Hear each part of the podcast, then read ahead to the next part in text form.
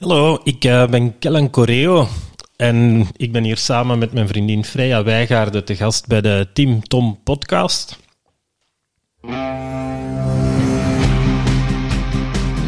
Welkom bij de Tim Tom podcast. Ik ben Timothy en ik ben Tom. Samen zijn wij jouw GPS naar geluk en succes.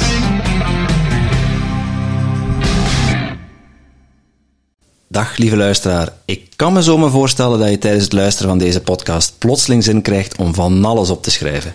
Wat zou jij nu werkelijk willen met al die inspiratie en al die inspirerende gasten?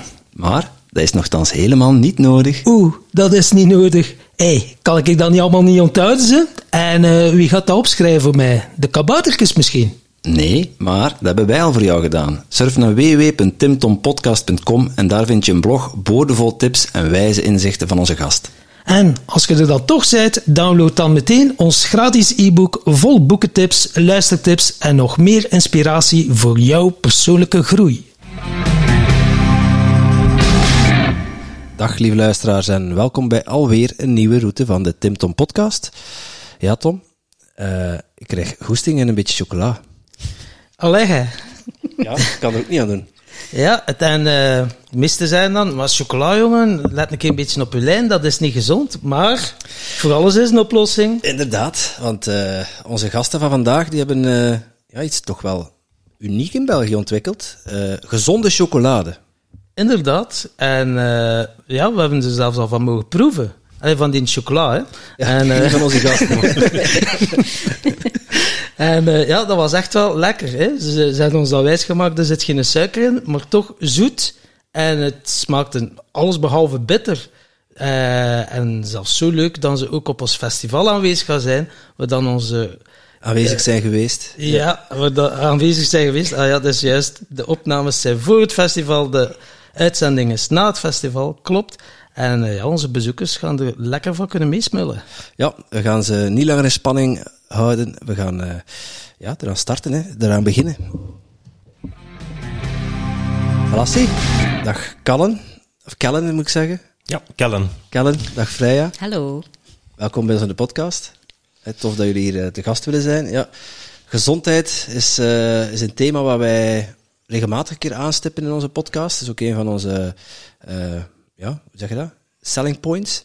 Uh, gezondheid, spiritualiteit. Ja, we, zijn, we hebben jullie ook gezien op uh, De Wereld van Magie, een uh, festivalletje voor vrije geesten. En uh, ja, dat was, was leuk weerzien. We hadden ook een kort introgesprekje gehad over, over ons festival daarvoor. En ja, ik heb geproefd van jullie chocola. Ik ben echt wel onder de indruk. Dank u. Ja. Echt wel fijn om te horen. Ja. Ja, meteen ook een pot gekocht. Uh, ja.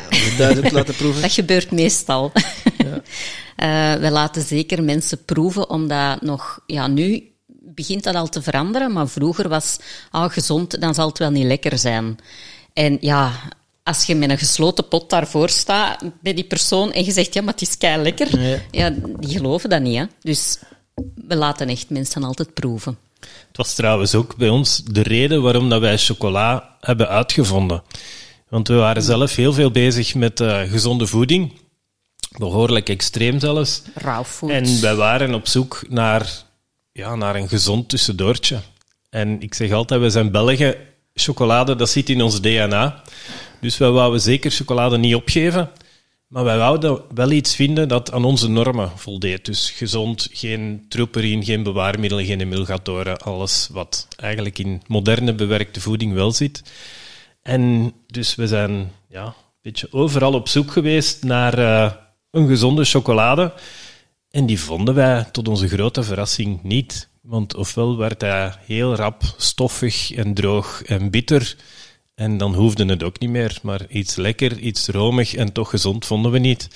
Dus ja, dan hebben wij ten einde raad hem maar zelf ontwikkeld. En ja, voor eigen gebruik, ja. Maar dat werd dan zo populair dat, uh, ja, dat je na twee jaar, denk ik dat was, dat we het dan toch hebben beslist van, goh, misschien uh, moeten we, moeten we daar toch, toch, iets, toch iets mee doen. Ja. En hoe moeten wij dat voorstellen? We gaan dat jezelf ontwikkelen, in de keuken staan, uh, oefenen, oefenen en dat... ah, nee, niet goed. Vuilbak. Ah, oh, niet goed. Vuilbak.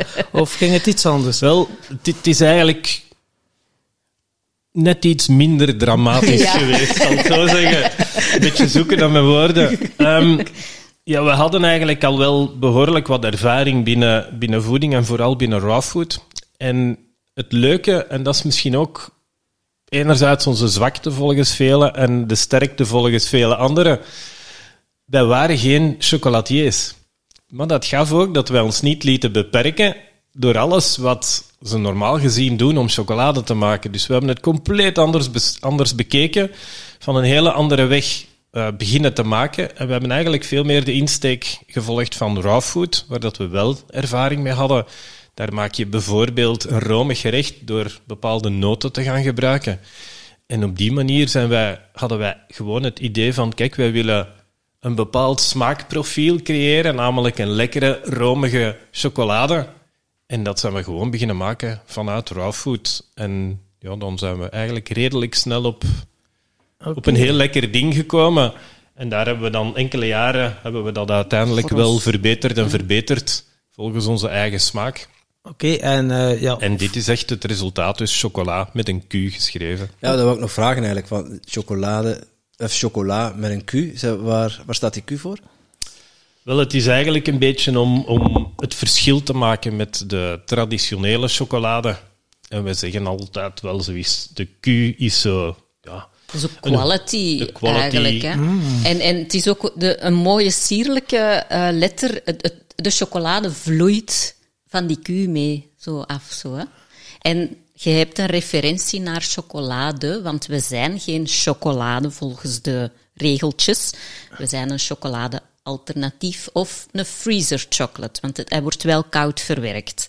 wat ideaal is natuurlijk, ook in de zomer. Ook in de want zomer, ja. Ja. Geen plakkerige boel in uw mond nadien, maar gewoon lekker fris. ja, dat klopt. Het was Ja. eh, vrij warm als we die chocolade Ja. proeven hebben dat weekend. En eh, ja, het was eh, een orgasme in de mond. het was, eh, dat Komen wel, we soms nog wel eens tegen, ja.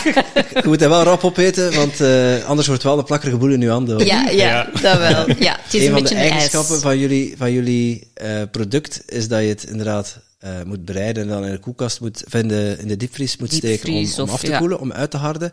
Eh, maar zodra je het uit de diepvries haalt en het is boven de, boven de 20 graden, dan wordt het al... Ja, het is eigenlijk echt te behandelen als, als een ijspraline. Hè. Ja. Maar je kunt er even goed een lekkere chocomousse van maken, bijvoorbeeld. Dus allee, op onze website staan heel veel receptjes, zodat iedereen gewoon echt zijn eigen lekkernij kan vinden. Dat is het belangrijkste. Voor mij kan dat gewoon een paar stukjes op mijn ontbijt doen, s'morgens zijn. Ik hoef dat niet in een vormpje te steken. Eh, iemand anders vindt gewoon een schep daarvan nemen, lekker. En iemand anders wil echt een chocotof kunnen maken, bijvoorbeeld. Daar is die persoon content mee. En dat is gewoon belangrijk. Pak die pot mee naar huis en maak wat dat je wilt. Ja. Dat is misschien nog een mooie anekdote. Ehm, nu Freya zegt een, een chocotof. Ik denk, we kennen allemaal wel een chocotof. Daar zit zo een soort karamel in. Ja. Nu, op een dag... ehm, mijn dochter was eh, toen, ik denk zeven jaar, acht jaar. Echt, ja. En eh, zij kwam terug van school en zij vroeg, papa, mag ik nog wat gaan experimenteren in de keuken? Zeg, ja, natuurlijk mag dat. Ik vond dat altijd heel fijn als ze dat uit eigen initiatief al ging doen. En ze zegt, ja, ik wil karamel maken. Ik dacht, ho, daar gaan we nu niet aan beginnen. Dat is zo suiker en vuur. En eh, dacht, nee, dat, dat gaan we niet doen. Nee, nee, zegt ze, maar ik, ik wil gewoon van alles proberen. Ik, ik, eh, zonder vuur, zonder iets. Oké, doe maar. Zij kwam, ik denk een half uur later, kwam ze uit de keuken met eh, een, een porseleinen potje en ze liet zien dat zij iets karamelachtig gemaakt had. Ik stond daar compleet paf van. Ik dacht van, oké, hoe heb je dat geflikt? En Wat is je dochter? Ben ik wel benieuwd daar. Eh, nu is ze ondertussen 14. Het- Toen dat ze. Toen was ze 7, 8 jaar. Ja. Zot, hè? Ja. En eh, ze zei van, ja kijk, zegt ze, ik, eh, ik ben gewoon begonnen met chocola, dus onze eigen chocola. En ik heb één lepeltje chocola genomen, ik heb daar twee lepeltjes honing aan toegevoegd en ik ben beginnen roeren, gewoon koud in dat potje. En ze zegt, ik heb misschien wel vijf minuutjes of tien minuutjes geroerd. En ineens had ik eh, een hele lekkere karamel. En dan hebben we daar nog samen wat naar gekeken en dachten we van, ah, als we daar nu eens nog wat grof zout of Himalaya zout of zo bij opdoen, en dan heb je dus een fantastische eh, zoute karamel, wat echt wel Ja, in de smaak valt Ja. bij heel veel mensen. Dat is een hele En het is combi, eigenlijk ja. op een volledige gezonde, natuurlijke manier. Zonder geraffineerde Ja. suikers, zonder branden, noem maar op. En ja, ik denk, het is zelfs voor de moment, ik denk ons, ons grootste succesverhaal en recept dat we hebben. Als wij dat laten proeven op, op, eh, op een event, eh, ja, dat, mensen zijn compleet wild ervan. En het presenteert, allee, je kunt het ook op een mooie manier presenteren, heel snel zelf eh, maken, er iets moois van maken. En dan hebben ze toch zo het gevoel van, wauw, ik heb zelf nog een chocolaatje gemaakt. Ja, ja, ja. En welke honing gebruik je dan? Daar heb je dan ook wel veel verschillende in, hè? Ja, Eh. op zich maakt het niet veel uit, zolang dat je maar een goede kwaliteitshoning gebruikt. Dus eventueel, als je een imker in je Ja. buurt hebt, wat dat bijna iedereen wel heeft, Ja. ga hem daar halen. Dat is Ja. Zo veel beter product dan alles wat je in de supermarkt kan kopen. En daarnet eh, sprak je erover, het eh raw food. Sommige luisteraars denken, ja, raw food, is dat dan eh salade, tomaten, eh, rauwe groenten? Waaronder ik, want ik weet het ook. eh, ik, weet het, eieren. ja. ik weet het ook niet precies wat dat... Het is R-A-W geschreven, denk ik, raw Ja, food. ja, maar raw, ik weet niet dus wat dat het precies... Engels geschreven. Ik weet niet wat dat precies betekent. En eh. raw food staat eigenlijk vooral onder. Je kan inderdaad, een salade valt meestal wel onder raw food, want dat is rauwe salade, rauwe groenten, noem maar op. Maar het gaat veel verder dan dat. Want het is eigenlijk alle voeding die nooit boven de 42 graden eh, verhit is geweest. Waarom 42 graden? Nemen ze een beetje als, als eh, richttemperatuur. Omdat dat zo'n beetje de temperatuur is wat eh, de zon kan opwekken als je er iets van voeding zou buiten zetten. Dus als je daaronder blijft, dan spreken we eigenlijk van raw food. En uiteraard zo onbewerkt mogelijk. Ja. Oké. Het is, het, is niet, het is zo onbewerkt mogelijk, dus het is niet per se volledig onbewerkt. Nee, dan, dan zeg ik bijvoorbeeld, in principe zou je zeggen van als je een noot neemt, eender welke noot, en je gaat die fijn hakken. Ja, is dat dan bewerkt? Ja, nee, eigenlijk niet. Dus Eigenlijk zelfs de niet. Dus, dus eigenlijk, die ja. vorm van bewerken kan dan wel. En ja, kan je die bijvoorbeeld even in de blender steken om die echt heel fijn te malen en daar bijna een pasta van te maken? Ja, dat kan nog wel. Ah, Iets drogen. Als we dan natuurlijk spreken over meer industriële vormen van bewerken, ja, dat is een heel ander verhaal. En dat is eigenlijk waar we zo'n beetje het onderscheid maken tussen bewerkte voeding en dingen die je, laat ons zeggen, thuis zelf in de keuken nog kan maken. En jullie hebben dan allebei een passie voor koken. Dan eh popt er zo in mij op. Jullie hebben elkaar leren kennen in de hotelschool. Toch niet? Nee, totaal niet. Eh, nee, dat is een beetje... Eigenlijk wel, hoe hebben wij elkaar leren kennen, Freya? Eh, ja, oké, ik zal het vertellen. Ehm, we- in Antwerpen was er een leuk eh, evenement, eh, tango aan, de, aan Kattendijk, hè, bijvoorbeeld. Eh, dus elke week werd, werd daar tango gedanst. En In ik ging daar, ja, in ja. open lucht. Dus ik ging daar naartoe. En dacht, oh, fijn, want ik, ik deed wel dansschool, maar andere dansen. Ik dacht, oh, ik ga er eens kennis mee maken. Oké, die zomer was een beetje voorbij, maar ik had mij al wel wat pasjes aangeleerd en zo. En eh, ik had eventueel een danspartner toen. En die zei, ah, waar wilde jij eh, gaan les volgen? En op dit moment was er eh, op tv een eh, programma, een dansprogramma, Dans Mondial noemde dat. Ja, het was zo het eerste dansprogramma op tv in die hele lange reeks van Ja. alle dansprogramma's. Dans Mondial. En eh, mijn huidige dansleraar die was daar, zat daar in de jury. En op een gegeven moment ging het over tango. En hij, Kellen dus, hij, eh, was daar op tv als, eh, als leraar om het te leren aan, aan mensen die dat dan moesten Ja. optreden. Dat was dan toen onder andere Evi Grijaert. Ja, als bekende Vlaming. En ik vond dat zo een toffe muziek wat dat je bracht. En ik had zoiets van, ah wel, bij den dia wil ik gaan dansen. En dus hebben wij ingeschreven. En dan, ja, jaren later zijn wij uiteindelijk een koppel geworden. Al dansend zijn een koppel geworden. Ja, dus jaren later. Voor Jaren. sommige dingen moet je wat geduld hebben. Ja, inderdaad. Maar je zei, het, je deed ook al andere dansen, dus je hebt je opleiding genoten als danseres dan. Eh, nee, ik ben eigenlijk... eh, mijn opleiding was eh, kostuums voor opera en zo maken. Oké. Dus dat was mijn job ook. En dansen tak, was ja. een passie daarnaast. Ja, er zijn mensen die dansen zonder dat ze een opleiding hebben genoten, Tom. Ja, Zit er ook naast al. u. De meeste luisteraars weten dat niet van mij, maar ik ben eh benaderd salsa-danser. Oké. Ik heb mijn partner ook leren kennen tijdens het dansen. Ik heb geen jaren gewacht. hoor. Dansen brengt mensen bij elkaar. Hè. Het dat is een ja. manier van verbinden. Hè. Ja. Ja. En eh, ja, mag ik weten hoe, hoe lang dat jij dat dan al deed, eh, Kellen? Ehm, Nu? Wel, Argentijnse tango was al, is nu 22. al 22 jaar mijn beroep. Ja. Je beroep, effectief. Het is effectief mijn beroep, ja. Ehm, we hebben, ja. Ik heb samen met mijn danspartner al 22 jaar een, onder andere een eigen dansschool, Toxic Tango. En ja, het heeft ons allee, eigenlijk wel zo'n beetje over heel de wereld gebracht. We hebben zelfs in 2008 eh, Oscar genomineerd geweest met een Belgische kortfilm. Het was de meest gelauwerde Belgische film in de Belgische filmsgeschiedenis. Dus dat was wel ja, dat was super. Dan hebben wij op de rode loper in Hollywood kunnen dansen en zo verder. Wauw. Dus dat zijn zowel eh ja, superleuke momenten. En dan merk je ook wat dat, dat doet met mensen. En misschien, ja, het is, het is de afgelopen twee jaar met eh, ja, heel de, alle gebeurtenissen die er gebeurd zijn, heeft ons ook eh, heel hard geraakt natuurlijk op cultureel vlak. Want dat was, eh, ja, financieel was dat een ramp.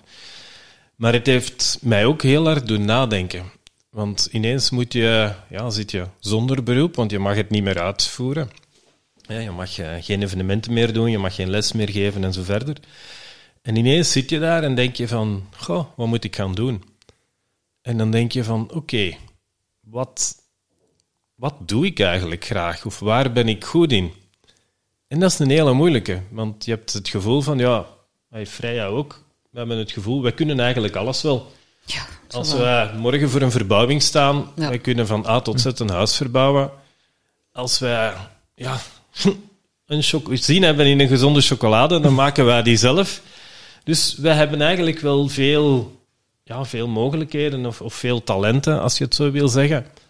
Maar ik denk, waar ik toen ben achtergekomen is, van hetgeen wat ik het liefste doe en waar ik eigenlijk het beste in ben, is mensen verbinden, mensen bij elkaar brengen. Want dat is wat ik al ondertussen 22 jaar doe met tango, mensen bij elkaar brengen. En dat ging eigenlijk veel verder dan dansles geven.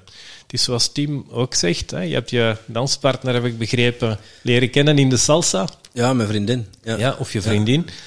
Het, is, het is iets wat heel vaak gebeurt. En wij zien mijn, dat ook. Mijn danspartner geworden, ja. ja. Ja. Eh, Wij zien dat ook. Ik denk als ik op, op die 22 jaar zie hoeveel koppels die dankzij onze tango-lessen elkaar gevonden hebben en Ja. dat er later veel meer van gekomen is, dat, dat zijn er gigantisch veel. En dat is wel leuk. En ook iets wat ik heel vaak hoorde, was mensen die kwamen en zeiden, goh, toch wel leuk als je van je hobby je beroep kan maken. En dan vroeg ik altijd, dan stelde ik altijd de wedervraag, waarom doe je het dan ook niet? Ja. Ja, dat gaat nu niet, want... Ja. En dan volgen er heel reeks excuses, Excuses, want hè. eigenlijk iets anders is het niet. Het zijn excuses. Maar het is een feit van je hobby je beroep maken. Het is niet altijd evident. Ik denk, bij jullie is dat net hetzelfde met een podcast. Ja, inderdaad. Het is één verschil, een podcast maken, maar iets helemaal anders maken, er honderd. En blijf ondertussen liefst nog in leven en verdien er eventueel iets aan. Want verdienen, het is vaak ja, een, een vies woord geworden. Hè? Ja. Ja, Maar het hoort wel bij het leven. ja, het is belangrijk ergens ook om je boterham te kunnen verdienen. Ja. Ja. En ja, wij, wij, wij zijn gestart zonder verwachtingen, zonder, ehm, ja, hoe zal ik het zeggen? Eh, zonder verdienmodel, zonder idee dat we daar ooit ons geld mee zouden kunnen verdienen. Eh, ondertussen ja, is dat een mooie bijverdienst aan het worden. Eh, zodanig zelfs dat we ja, ook de stappen gaan maken om, eh, om daar onze volledige boterham mee te verdienen. Dus eh, van je passie je beroep maken kan het iedereen aanbevelen. En eh, welke tips zou jij voor onze luisteraars hebben die ze zeggen, ja, ik wil ook van mijn passie mijn beroep maken. Eh, wat zou je hen willen meegeven? Ik kan er eigenlijk maar op ene komen, volhouden. Oké. En meestal is dat zo eh, veel langer dan dat je denkt of dan dat je, voor, dan dat je voorziet. Ik denk, ja... Ja, wij hebben op zich samen eh, ook wel een heel traject van coaching en dingen gevolgd. ja, en Eh, workshops en goh, wij zijn tot in, in, in, in Amerika gegaan om, om vastgoed te, aan te kopen en verkopen. Allee, wat, wij- wat hebben wij niet gedaan? Ehm, maar ja, wat ik zeggen? Ja, Het- volhouden. ja, Ze- het, is, ze- het, is, het is terug u, uzelf. ehm waar, allee, u, eh, allee, niet, meer niet twijfelen aan uw eigen. Dat moeten leren. Alleen niet iedereen heeft... jezelf naar waarde durven ja, schatten. schatten. Dat vooral, ja. Ja. Dat is een mooie, ja. En ik denk vooral ook als je. Ik heb dat zelf ook altijd moeilijk gevonden. Tango, binnen tango heb ik denk ik ongeveer alles wel bereikt wat ik kon bereiken. De meest zotte dingen, zoals bijvoorbeeld. Ja, we, gingen die film maken. Ze kwamen met ons spreken. En schoon, hele lange onderhandelingen, noem maar op. En op een moment, eh, dan, eh, ja, dan zit je aan tafel en dan, ja, dan gaat het over centen. En dan kom je natuurlijk terug tot de conclusie: Belgische cultuur, één probleem, altijd geen budget. En dan, eh, ja, dan was de vraag van, hè, hoe kunnen we dit oplossen? Hoe kunnen we jullie overtuigen om mee te stappen in dit project? Dan heb ik daar even lang over nagedacht en gepraat met mijn danspartner. En dan hebben wij tegen de producenten gezegd, oké, wij willen meedoen op één voorwaarde dat er in het contract wordt gezet dat wij voor een Oscar gaan. Ja, ze zei, maar dat heeft toch geen nut? Dat heeft gewoon geen waarde, of dat ik dat nu in een contract zet of niet. Ik zeg, ja, misschien heeft dat geen waarde en juridisch, oké, heeft dat geen poot om op te staan, maar dat heeft waarde voor u en dat heeft waarde voor ons. En dat is wat wij willen. En twee jaar later stonden wij op de Oscars. Wauw. Dat is En manifesteren. Dat, zijn wel, Ja. dat is manifesteren en dat is, daar heeft op die moment geen geld is daar mee gemoeid. Maar het heeft alles te maken met iets geloven in iets en een passie hebben voor iets en er gewoon durven voor gaan. Ja, En, en ja, soms is het dat- spreken. Ja. En het durven uitspreken, inderdaad. Ja, dan, dan gebeuren er dingen. Dan eh, hadden jullie producenten misschien ook een heel andere blik over hoe dan ze het gingen aanvliegen. En eh, ligt de lat gelijk al. Hoger. Ja, hoger. En, ja. Mooi is dat. Ja. Ik vind het fascinerend als je dat uitspreekt, dat je dat dan ook eh, effectief op die... Heb je hem gekregen, Oscar? We hebben hem niet gewonnen, maar ja, dat, dat is ook zoiets. Dan merk je het verschil tussen, tussen België, hoe bescheiden en, en ja, vaak kleingeestig dat we toch wel zijn. Zo van, oh, je hebt niet gewonnen. Jammer. Nee, nee. Ja. Jammer. Ik vind een Nee, nee. nominatie op zich al... eh, Het was, het was hetgeen dat Heel toen straf. ook hoorden. Wij kwamen terug en ik denk dat ik nog één radio-interview na, na de Oscar-verkiezing heb gegeven. Dat was zo, oh, jammer dat je niet gewonnen hebt. En dat was het. Het was gedaan. Terwijl in Amerika, het feit dat je genomineerd bent... eh, Er zijn gigantisch veel sterren die daar een heel leven lang hun carrière nog op verder bouwen. Gewoon de deuren dat dat opent, dat, is fenomenaal, dat is ongelooflijk. En dan gebeuren er ook zotte dingen. We waren daar bijvoorbeeld op, op, een, op een nacht, op een feestje. En ook onverwacht terechtgekomen. En ja, je raakt daar aan, aan de praat met wat mensen. En ineens ehm, was ik aan, aan het praten met een man. was heel grappig. Hij was, eh, hij was gitarist. Ik wist toen nog helemaal niet wie dat eigenlijk was. En eh, ja, het, het was... Ik, ik, zie- het was heel donker in die zaal. Hij was ook zwart van huidskleur en had dan zo spierwitte ogen. Dus dat was precies twee gloeiende ogen in, in de duisternis. En waren aan het praten en hij vroeg van... Ja, wat, wat zijn eigenlijk je dromen? Of wat zou jij nu graag willen bereiken terwijl je hier in Hollywood bent? Is er iemand met wie je graag zou willen spreken? Ik had zoiets van, ja, als er één iemand is die ik moet kiezen, Penelope Cruz. Die vrouw, ik vind die fantastisch. Vooral die stem, dan eh, De accent. smelt ik weg zoals onze chocolade. accent Ja, liggen. Ja. vooral de stem. Dan, ja. ja, dat is fantastisch. Oké, is goed. We praten nog wat verder en eh, ja, het feestje gaat verder. Ineens, ik denk, ik denk twee uur, half drie s'nachts, komt die man terug naar mij. Hij had eh, zijn, zijn gsm in zijn hand en hij zegt hier.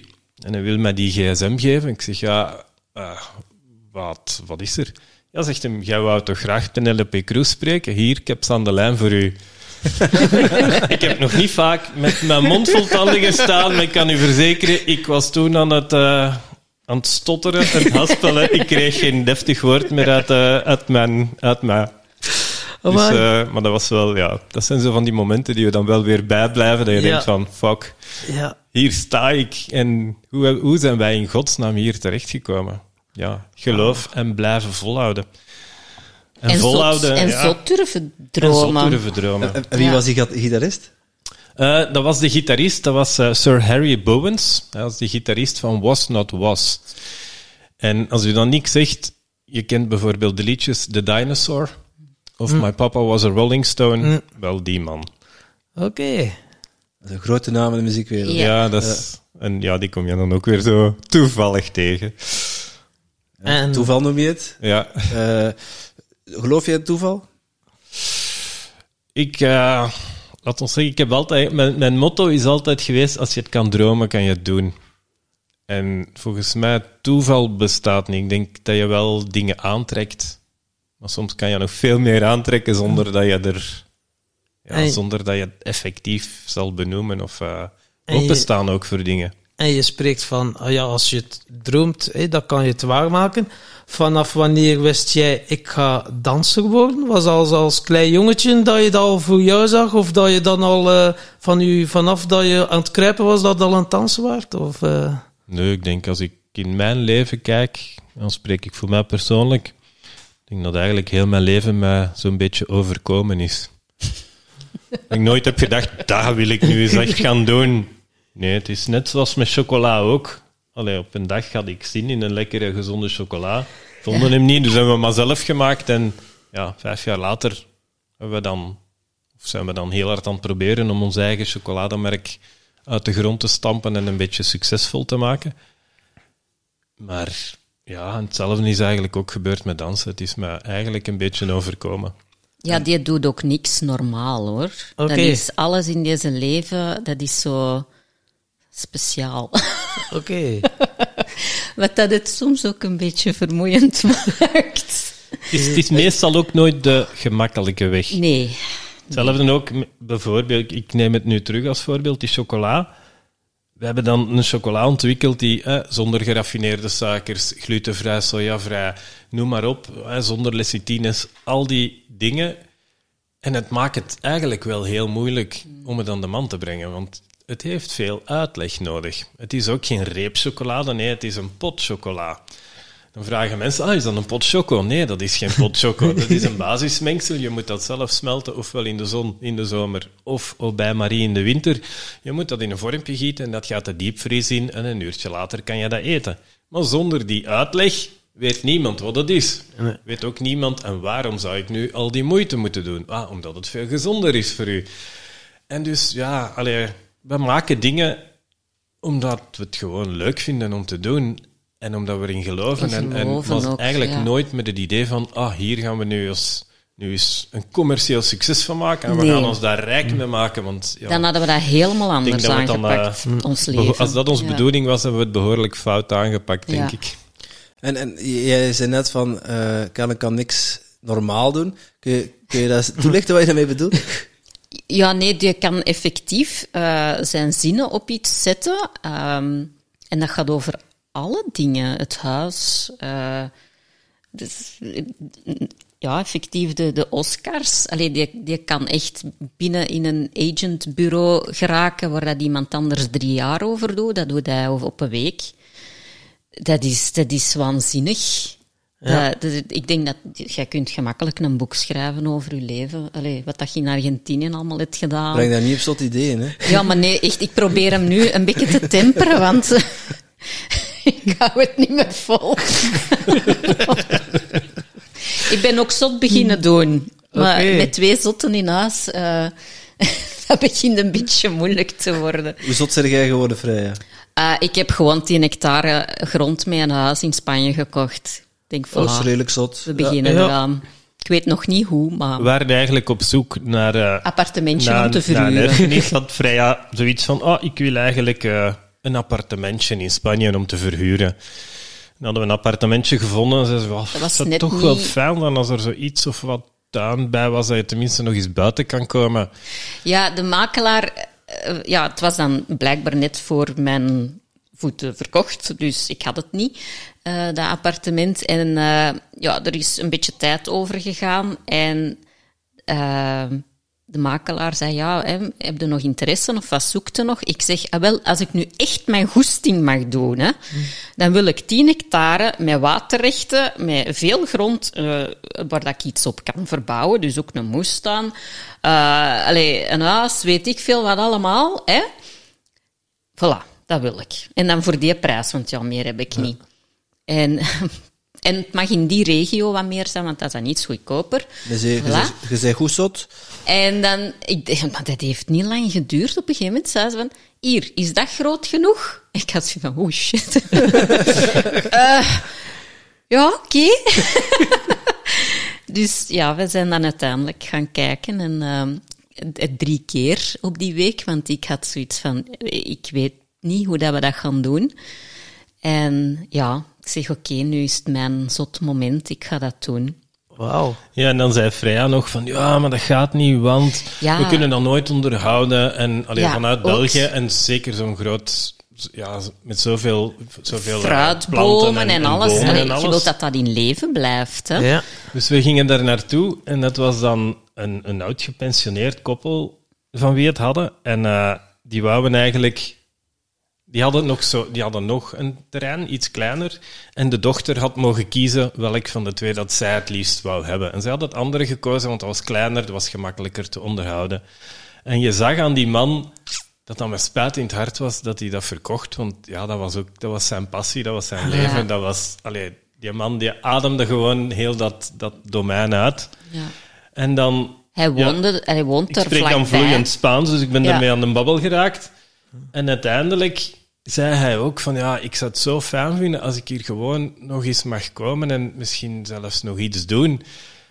En dat was gewoon het ideale voor ons. Halleluja. Dat was iets van, dan hebben wij het gekocht en hij is het eigenlijk blijven onderhouden. Dus voor hem veranderde er eigenlijk niet veel. En voor ons was dat een fantastische oplossing, want wij konden ook nog eens leren van hem hoe dat je amandelen moest kweken en, en olijven en, en noem maar op. En, en hij blijft helpen. Met, ja. ja. en hij brengt dan de juiste contacten mee, ook van, van de buurt, van de lokale buurt, van nog mensen die kunnen komen helpen. En, Heel dus ja, dat, is, dat is echt een fantastisch verhaal. Maar als je daar naar op zoek gaat, dan ga je het nooit vinden. Dus dat was voor mij, ja, dat is ook een soort manifestatie. Dat zou wel zijn. Ik heb dat en dat en dat nodig. En ja, en dan stelt hij dat voor. Ik denk, ja, dat, dat is het. En dan zit jij bezig van de kalm en zot. ja. en dan ondertussen waren wij eigenlijk met chocola begonnen. Ook, ja, ja. En het hoofdingrediënt in chocola zijn amandelen. Hm. Ja, en dan hebben we ineens een eigen amandelplantage. Dus dat klopt dan weer helemaal in het verhaal. Daar is ook nooit pesticides gebruikt of nooit meststoffen gebruikt.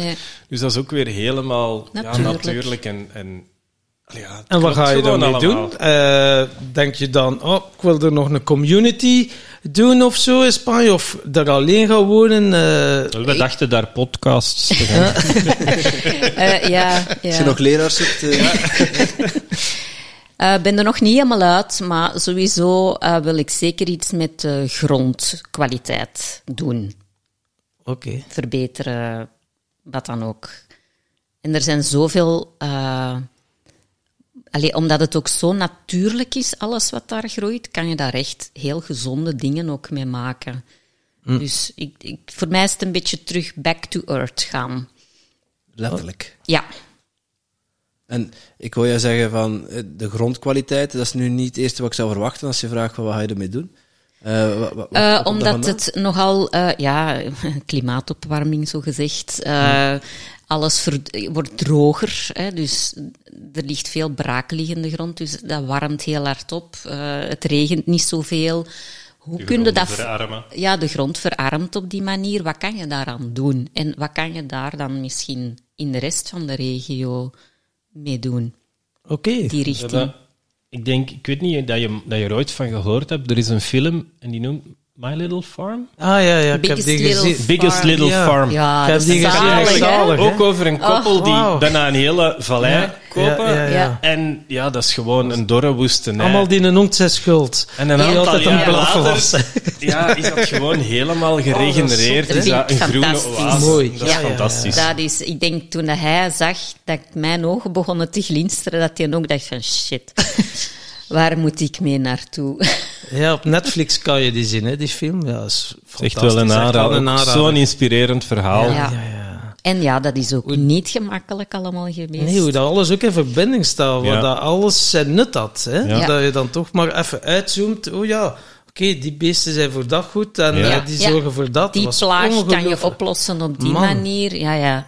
Dus Jongen. echt alles terug, ja, helemaal back to nature. Het ecosysteem onderhouden. Ja, ja, en dat gebeurt daar veel te weinig. Allee, er is wel diversiteit, maar verder het landbouw, eh, ja, de landbouw dat daar zo gezegd gedaan wordt, is niet bevorderlijk voor de grond. Het is vaak monocultivatie en uitputten van de grond. En als, er is zodanig veel grond in die regio's dat er eh, makkelijker is om. eh, ja, om Je kunt grond- daar heel de wereld mee voeden, met dat daar van grond ligt. En er wordt niks mee gedaan. Ja, maar ze, putten het daaruit. Het is makkelijker om, om naar de volgende grond te gaan dan uw grond te blijven verrijken, natuurlijk. Het is, allee, ik, denk wat dat je nu net ook zegt, eh, monocultuur is een heel belangrijke, want ik denk het grootste, het grootste stuk, zeker van de, van de industriële wereld, draait daarop.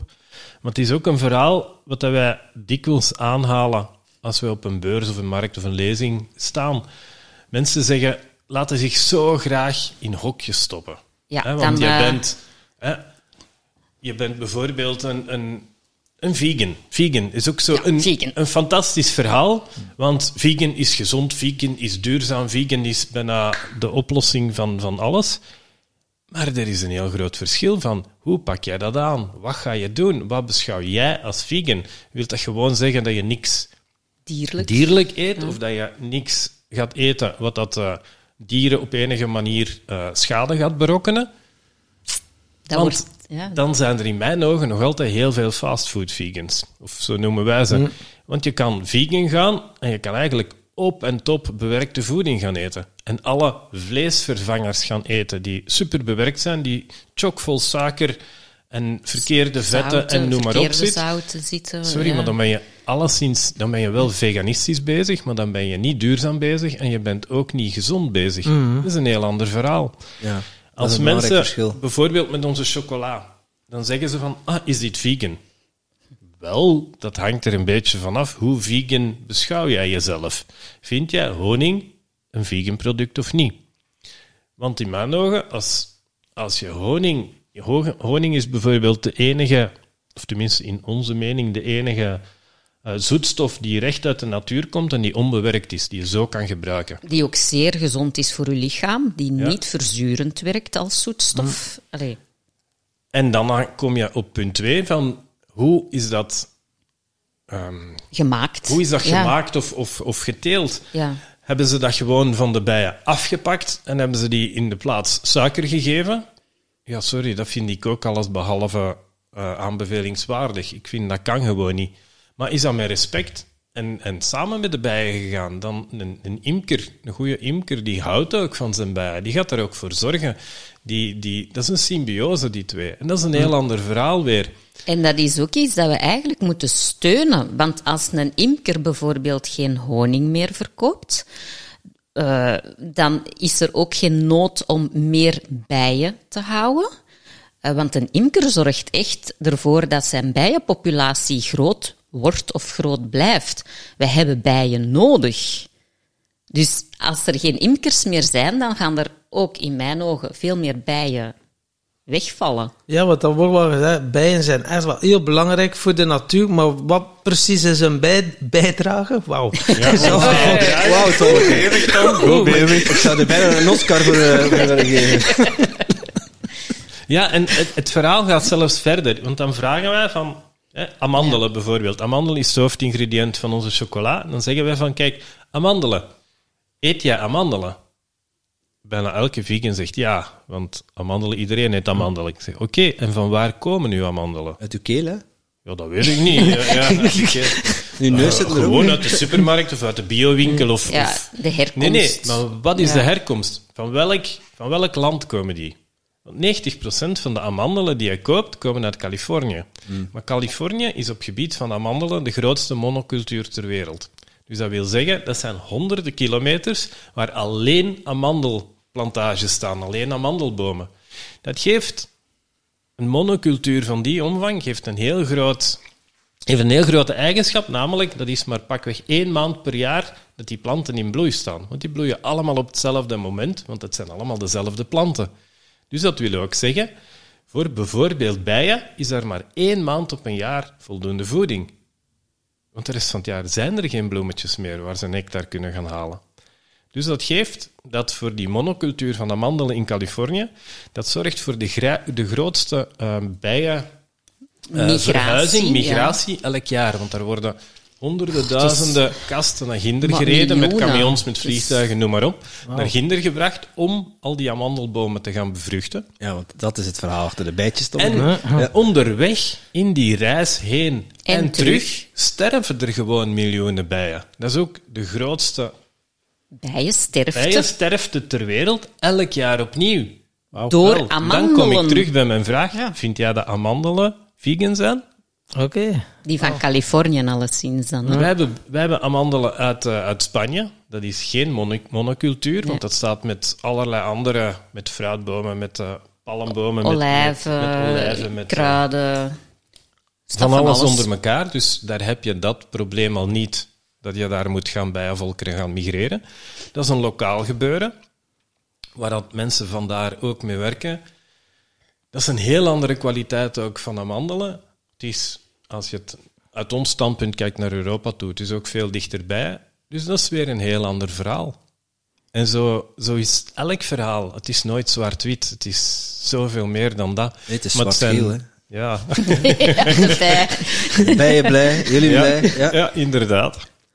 En, En, en- soms moet je gewoon verder kijken dan enkel wat dat er ja, duidelijk wordt gepresenteerd. Of, eh, ja. En, en, en, ja, hebben jullie daar zelf ook eh, bij een kast staan? Nee, imker? maar mijn buurman wel. En in het dorp ook, weet ik, dat er eh, imkers zijn. Ja. En halen jullie honing ook vandaar? Eh, ik krijg daar wel eens een potje van, ja. En niet, niet de, honing die jullie gebruiken voor de, voor de chocola? nee, Nee. nee. Dat, ja. Daar kijken, we kijken Next eigenlijk... level. Allee, het is zo'n beetje... Ja, allee, ons verhaal is... Dus bijvoorbeeld, heb, veel mensen vragen waarom hebben jullie geen bio-label? ja. Wel, eigenlijk omdat we er niet in geloven.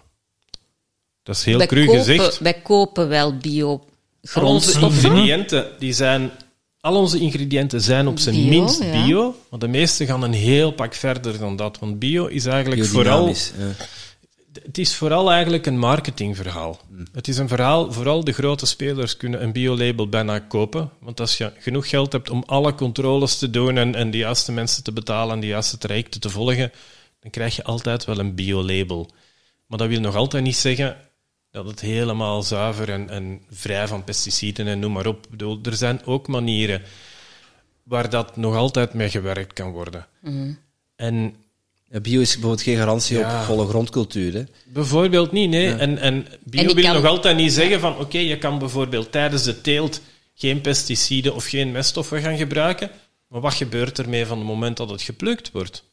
Dan kan je er wel van alles mee gaan doen, want dat valt dan weer niet meer. Allee, dus er is echt van alles mogelijk. En, Of en geloof me, binnen de voedingsindustrie zijn ze heel creatief daarin. Ja, het, het, het is zelfs zo erg dat als je bijvoorbeeld een zak eh, cacao die bio-gecertificeerd is, als je die naar een magazijn laat afleveren waar dat ik die dan ga ophalen, en dat magazijn is geen biomagazijn. Dus waar dat alleen bioproducten Waar dat staan. alleen, want dat moet echt gescheiden zijn. Hè? Die groothandel moet een gewoon magazijn, maar ook een biomagazijn hebben. Als die dat niet heeft en dat gaat gewoon in zijn gewoon magazijn, wordt dat even gezet. Hè? Een uurtje, het maakt niet uit. Hè? En ik ga dat ophalen, is mijn bio weg. Die zak is niet open geweest. Hè? Langs de andere kant kan je bio, in het geval van cacao bijvoorbeeld, kan je bio-cacao's kopen.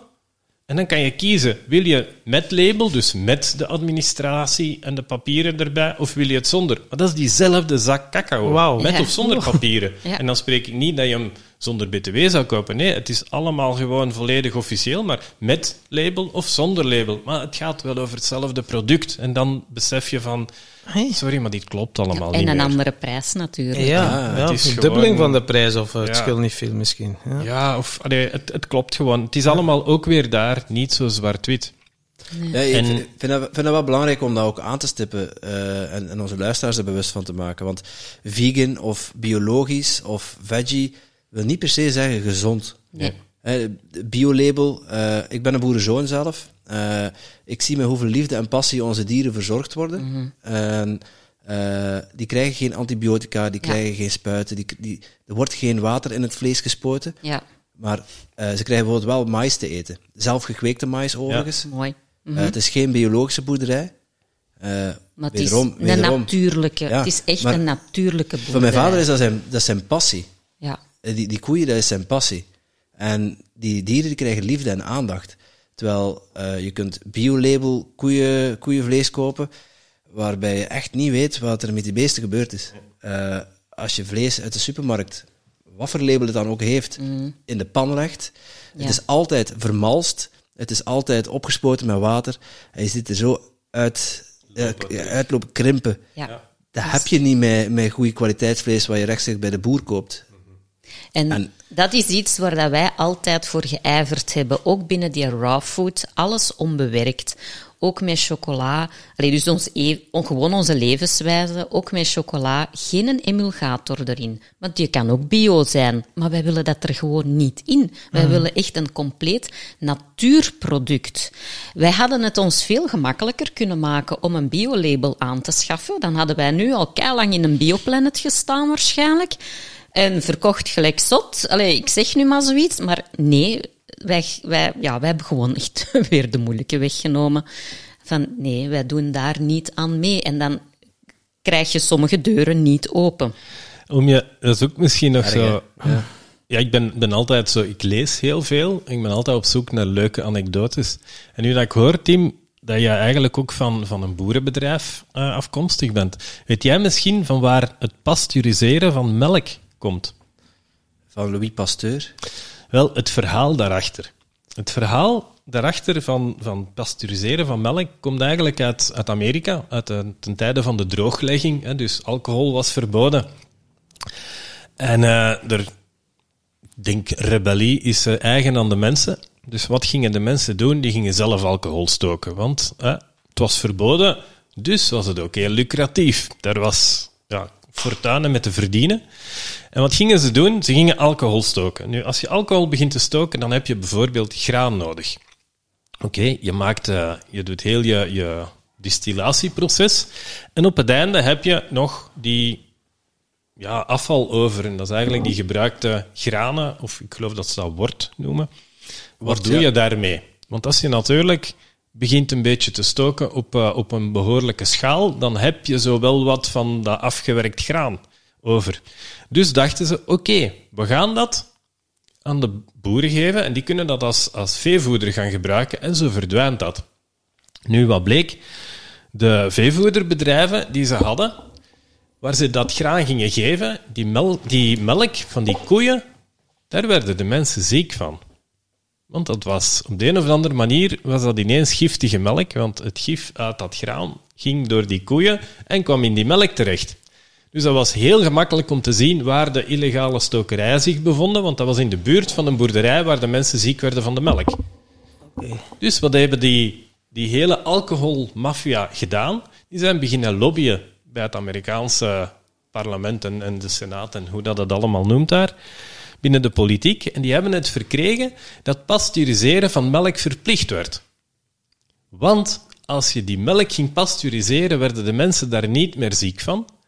En als je dat overal ging doen, dan kon je dus niet meer zien waar dat die giftige graanafvalstoffen gebruikt werden en waar wel. En dan was hun probleem dus opgelost. Dus als je denkt dat pasteuriseren te maken heeft met, uh, of tenminste de verplichting om te pasteuriseren te maken heeft met gezondheid, vergeet het dan maar. Het is weer een ander verhaal. Ja, het, het, het, is in het kader van de volksgezondheid dat dat gezegd wordt. Uh, het is ook niet altijd, de volksgezondheid is ook niet altijd in het belang van de mens, van het individu. Uh, maar dat is vooral om risico's uit te sluiten. Hè. Ja. Dus, uh, bijvoorbeeld een melkfabriek, er komt heel veel melk van verschillende koeien binnen.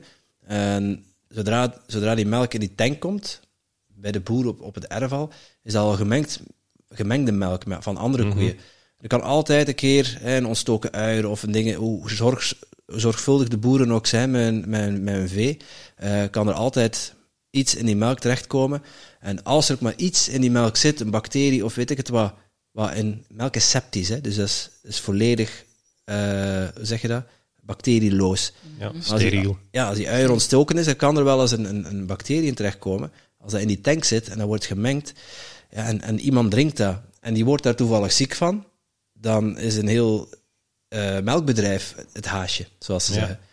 En, en Dat komt het gaat dan over ook. met de vinger wijzen en, en over, en over Dan kan je dan ook zeggen van, heeft het te maken met, eh, ja, enerzijds met durven verantwoordelijkheid terug te nemen, of heeft het bijvoorbeeld ook te maken met te veel schaalvergroting? Ja, dat... Want als je terug lokaal gaat kopen bij je eigen boer en er is iets mis mee, sorry, maar dan weet je wel van waar het komt. En dan is er eigenlijk niet veel, mee, niet veel aan de hand. Je verwittigt je boer en het wordt dadelijk opgelost. Als je natuurlijk, zoals jij zegt, in een fabriek waar dat van honderden bedrijven al de melk wordt samengekapt, ja, dan zit je een probleem, want waar moet je gaan zoeken? En, en, maar ik denk, ik, wij geloven heel hard terug in, in eigenlijk het hele lokale verhaal. En oké, alles kan je niet lokaal doen. Wij zitten ook met bijvoorbeeld cacao. Ja, sorry, maar dat groeit hier niet.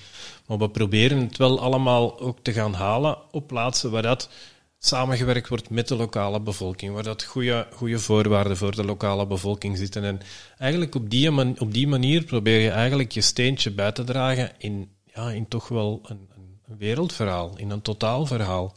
Je boontje bij de, in dit geval. Een boontje, ja, een, een cacao-boontje. En eh, over cacao gesproken, ja, je hoort dat tegenwoordig is al vrij hip. De cacao-ceremonies, dat is dan een openen van het hart. Is dat die cacao dat je gebruikt? Of, eh, of welke cacao gebruiken ze daarvoor? Of, Wij, wij gebruiken eigenlijk, ah, we zijn heel hard. Mensen vragen bijvoorbeeld vaak van hoe komt het dat jullie, dat jullie chocola niet gezoet wordt of, of niet met geraffineerde suikers of andere zoetstoffen werken? Wel, we werken een klein beetje met honing, maar heel weinig. En waarom? Omdat wij, wij werken eigenlijk. In, de voedingsindustrie hebben we gezien hoe meer bewerkt een ingrediënt is, hoe bitterder smaakt het. Tot soms gewoon ronduit chemisch.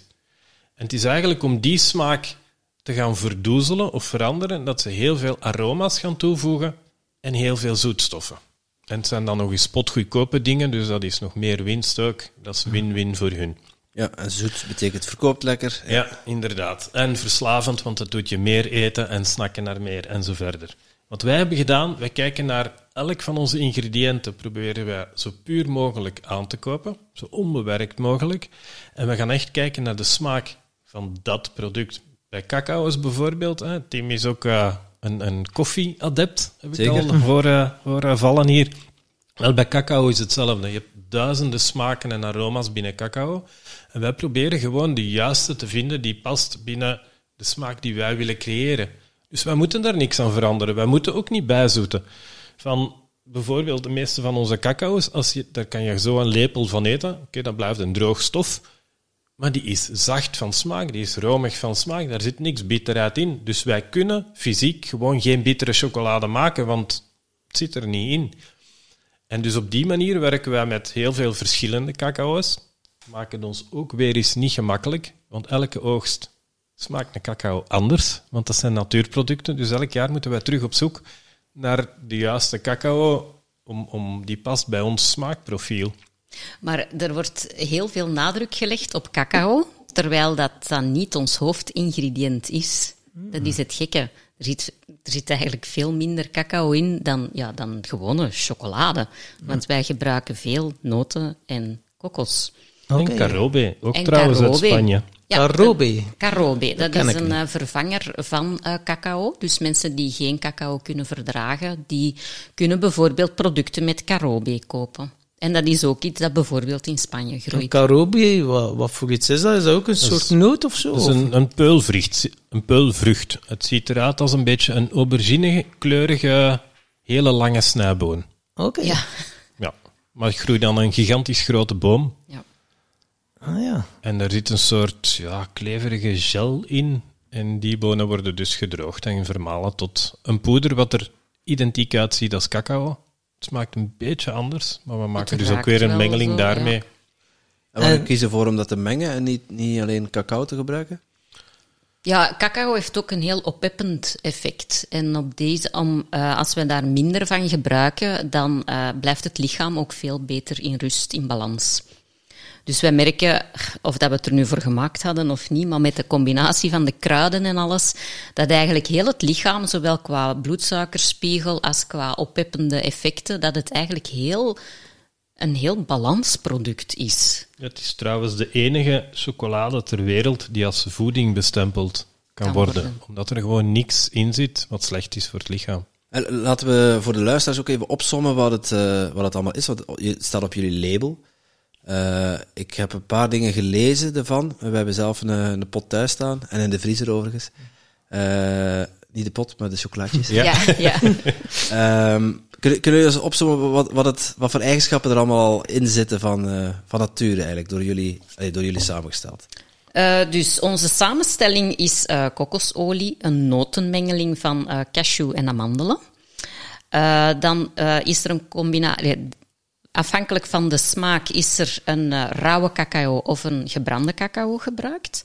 Eh, we hebben carobe, eh, Madagascar bourbon vanille, kurkuma, kaneel, dennenhoning en Himalaya-zout. En that's it. Dat is Oké. vrij plain. En eigenlijk. afhankelijk van, als we een fruitsmaak hebben bijvoorbeeld, eh, is dat eh, de essentiële olie van de schil, van de appelsien bijvoorbeeld, dat erin zit. Dus geen chemisch aromake. De framboos heeft gevriesdroogde frambozen met pitjes en alles erin. Dus compleet natuurlijk. Oké.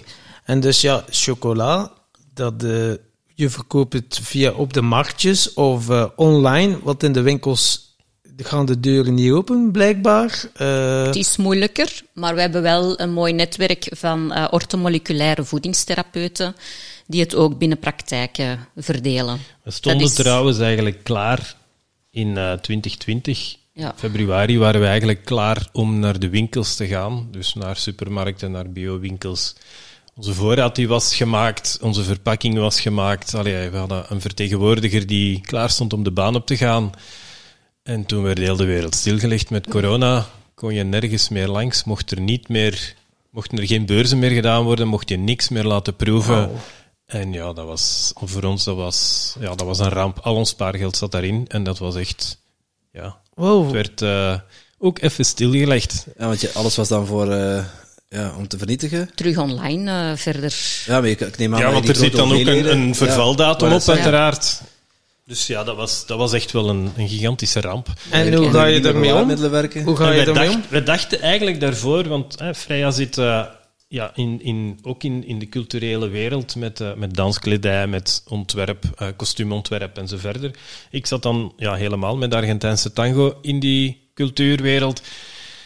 We hadden dan zoiets van, ja, hè, we moeten toch een beetje diversifiëren. Hè. We kennen allemaal, dat is heel gezond diversifiëren. Dus we dachten, oké, we beginnen met chocola, dan hebben we toch weer een hele andere sector. En toen kwam corona en wat gingen ze platleggen? Cultuur en voeding. En we dachten, oh shit, Ja, en beurzen. daar gaan we weer. En beurzen Ja. waren weg, dus eh, ja. Gezondheid stond ook niet meer prioriteit boven. Nee, was helemaal geen Ja, prioriteit meer. Ja.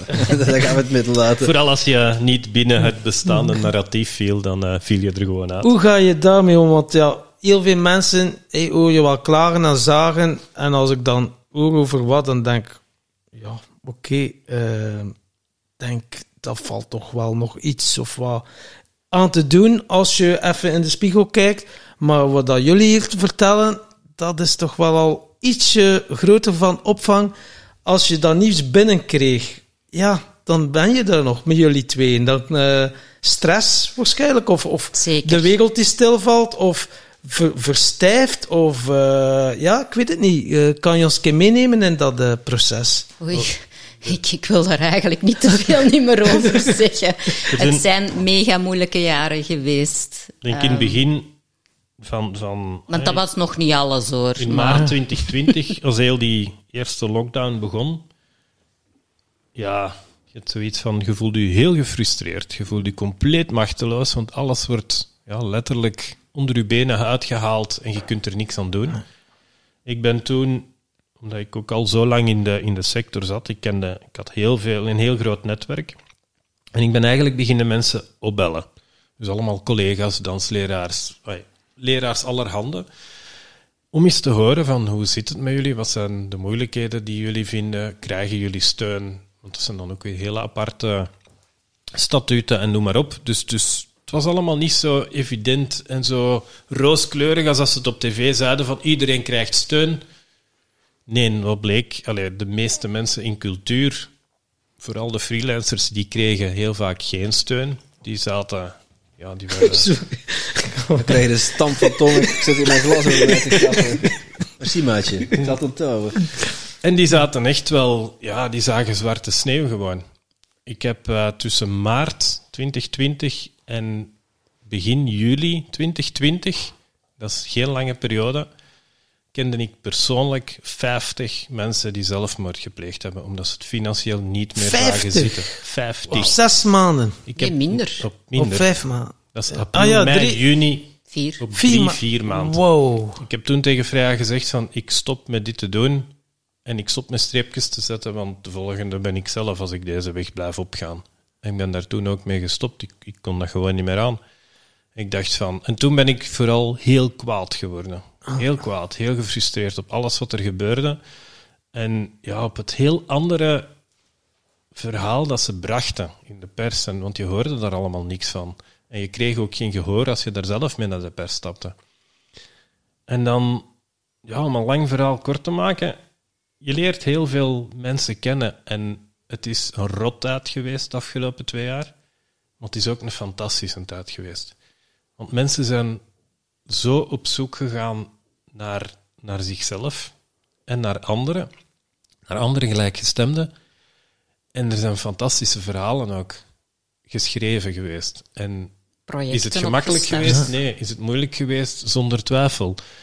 Maar het feit dat wij bijvoorbeeld hier vandaag zitten bij jullie, heeft ook daarmee te maken. Want het is eigenlijk binnen dat narratief dat we wel elkaar hebben leren kennen. En ik denk, jullie verhaal is ook vooral de laatste twee jaar gebeurd. Ja. Of voor een heel groot stuk tenminste. Het zijn ook heel veel mensen daardoor waar jullie mee in contact zijn gekomen. Een verhaal, ik heb mij heel hard gesmeten daarin. Ik, had- ik had het zo gehad en ik had zoiets van, sorry, maar zwijgen is geen optie meer. Ik kon ook niet meer zwijgen, ongeacht de gevolgen dat dat had voor mij en voor mijn dansschool en noem maar op. Want het is eigenlijk, het is, dat is verdwenen. Mijn dansschool bestaat nog, maar het verhaal dat ik had in, in Argentijnse tango, ik werkte wereldwijd, ik werkte heel veel voor de filmwereld. Mijn netwerk was gigantisch groot. Wel, dat netwerk bestaat niet meer. Al die mensen die ik kende in die sector, die zijn iets anders gaan doen, zijn er gewoon niet meer. Dus dat is ja, 22 ka- jaar carrière de vuilbak in. Maar langs de andere kant leer je heel veel andere mensen kennen. En het verhaal dat ik, of, of de zin dat ik het vaakste gehoord heb van mensen was: Ik voel me zo alleen. Ik ken niemand anders. En dan denk je: We moeten die mensen toch bij elkaar kunnen krijgen op de een of andere manier.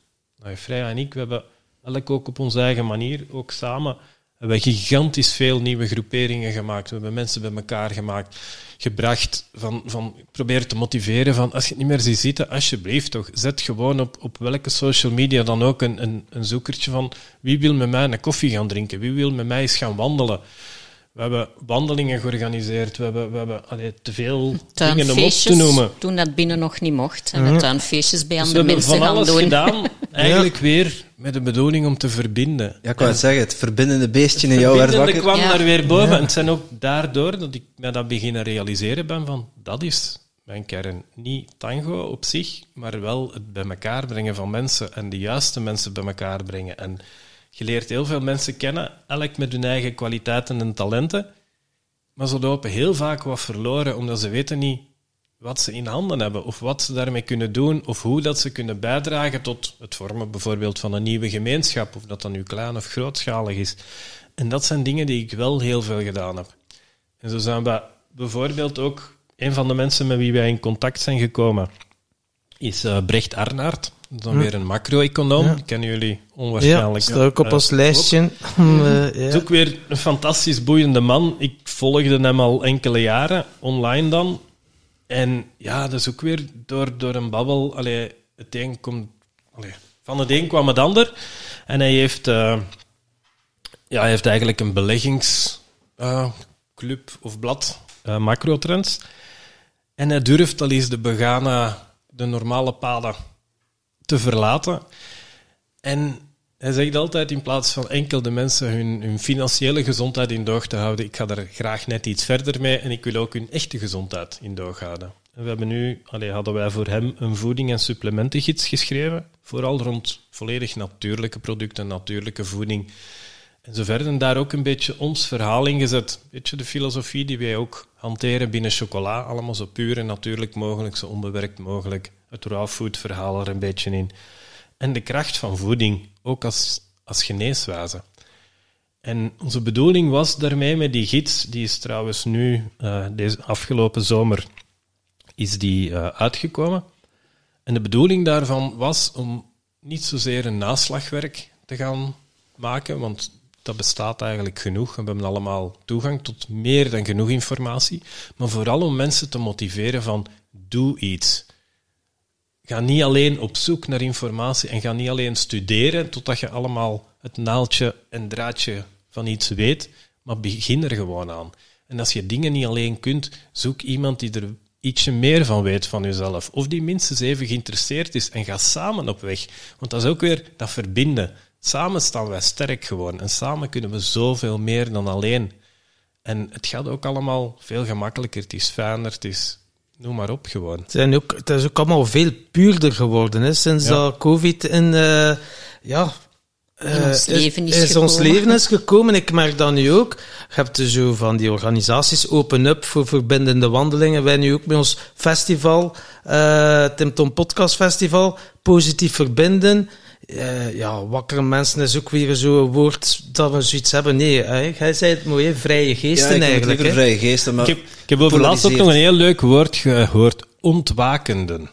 Oh, de ontwakenden. Ik vond het eigenlijk ook heel wel leuk. Oh, ja. ja, aan de andere kant, weet je, dan door, door het zo te bestempelen, vind ik, worden we ook alweer in hokjes geduwd. Mm. En uh, bij je ook aan het polariseren, doe je eigenlijk ja, hetzelfde dat uh, de rest van de wereld mee bezig is. Ja. En een vrije geest kan iemand iets doen, kan iemand iets raken. Mm -hmm. En uh, het zit in iedereen. Ja. Dus ik, ik, ik, noem het liever zo. Maar ik merk inderdaad wel, het heeft ons echt wel op een manier gedwongen om naar binnen te keren. Ja. En nu laatst was het Gentse feesten en kwam nog iemand tegen van vroeger, ja, van voetbal, eh, noem maar op. Dat was al een paar jaar geleden dat ik die gezien had altijd een heel goed contact mee gehad. En nu ook, ik zag hem zo, ik heb dan zo dat voor, hey, hoe is het, zo, op. En ik wil, ja, ik ben al gewoon om te knuffelen, hart tegen hart. en die trok hem zo weg, die verstijfde zo. Ik zei, oei, ja, ja, oké. Okay. Dat was dus al een eerste indicatie. En dan zij aan het praten.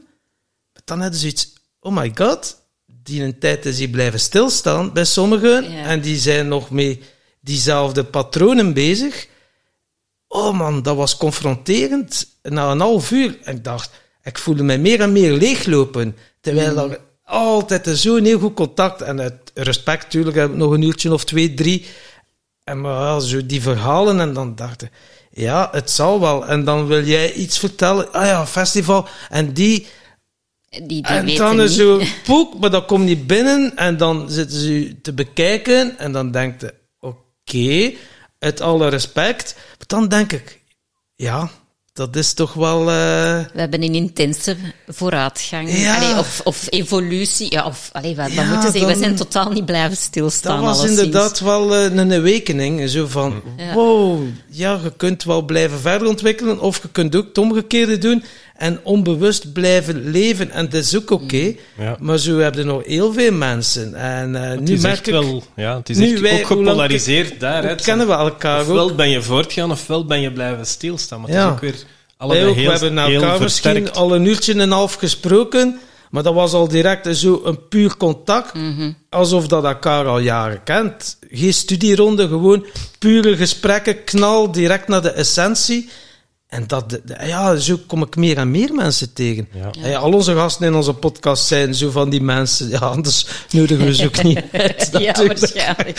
Ja, het verschil zit in de bereidheid om elkaar te willen helpen en niet om elkaar kapot te willen maken. Ja. Of kapot te concurreren. Ja, want ik vind dat er uh, in het algemeen... Uh, in België toch ook wel. Ik, ik vind dat dat een verschil is met een dorp in Spanje bijvoorbeeld. Allee, of waar dat ik toch in opgenomen word.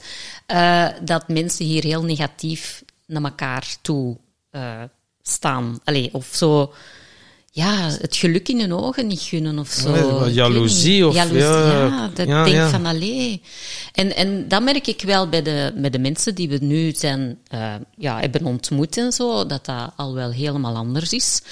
Sowieso met dat wij eh, met gezonde voeding waren begonnen, de mentaliteit toen, acht jaar geleden, de bewustwording op voedingvlak en gezondheid was toen ook al wel een pak minder nog dan nu. Dus wij hebben ook wel die evolutie heel mooi eh, ontdekt. En ja, wat dat mensen dan soms nog zeggen is van, ja, maar allee, gezondheid eh, is duur, hè. Ik zeg, ja, maar dat kan, dat kan gratis, allee, bij wijze van spreken. Dat moet helemaal niet duur zijn. Eh, je kunt dingen in het groot aankopen en, en in uw vriezer steken, bijvoorbeeld. Maar kweekt groenten in uw tuin. Als je het zelf niet kunt, vraag dan iemand anders van, ah, ik heb hier een stukje grond, wie wil er meekomen tuinieren? En dan delen we de, de opbrengst. Zelfs op een terras. Dat is puur natuur. Op een terras, eh, een braakliggend stuk grond, vraagt van wie dat, dat is. Ja, op Of dat je dan- Linkeroever eh, ligt er nog wat, wat grond eh, voor te verbouwen. ja, dat misschien net iets minder. maar eh, zoekt, want zo, zo ben ik vroeger ook in een, in een samentuin terechtgekomen. Eh, echt een heel mooi stuk grond eh, dat helemaal terug opgewaardeerd is. Eh, iedereen werkt in één team mee, dus dat is niet volkstuintjes en iedereen heeft zijn apart lapje grond. Maar dat is gewoon één project. Als je er niet veel van weet, er is altijd wel iemand anders die er wel iets van weet. En op die manier werkt je weer samen, leert je weer bij. Kom je meewerken, dan oogst je. Allee, dat is allemaal, dat dat is gratis, hè? Het, Ja. het ligt er allemaal. En mensen zeggen, ja, maar je hebt misschien tijd, maar daar heb ik allemaal geen tijd voor. Dat zijn hè. ook prioriteiten. Ja, zetten. ja, ja, dat is je weet dan- dat in, met je handen in de grond werken, dat dat tegen een depressie ook goed is. Mhm. Hè? Die bacteriën, aarden, gevaarlijk, die zijn heel gezond voor u. Ja. Ehm, we zijn nu ook eh, begonnen met een moestuingroep bijvoorbeeld. Dus mensen in de ruime omgeving komen samen die er ook nog niks van wisten, of sommigen al wel een beetje, maar het kwam er niet van. Zelfs op een terras bijvoorbeeld. Ik heb geen tuin, doe het in potten. Het Diarterras is waanzinnig wat dat daar allemaal groeit nu. Dus wij nemen de mensen ook zo elke maand, fysiek komen wij samen, wij nemen die mee van oké, wat kunnen we deze maand gaan doen? En welke problemen heb je, of zus of zo. Er is iemand die ook totaal geen groene vingers heeft, die, die verzuipt nu van de komkommers, die weet niet wat dat ze er allemaal mee moet doen.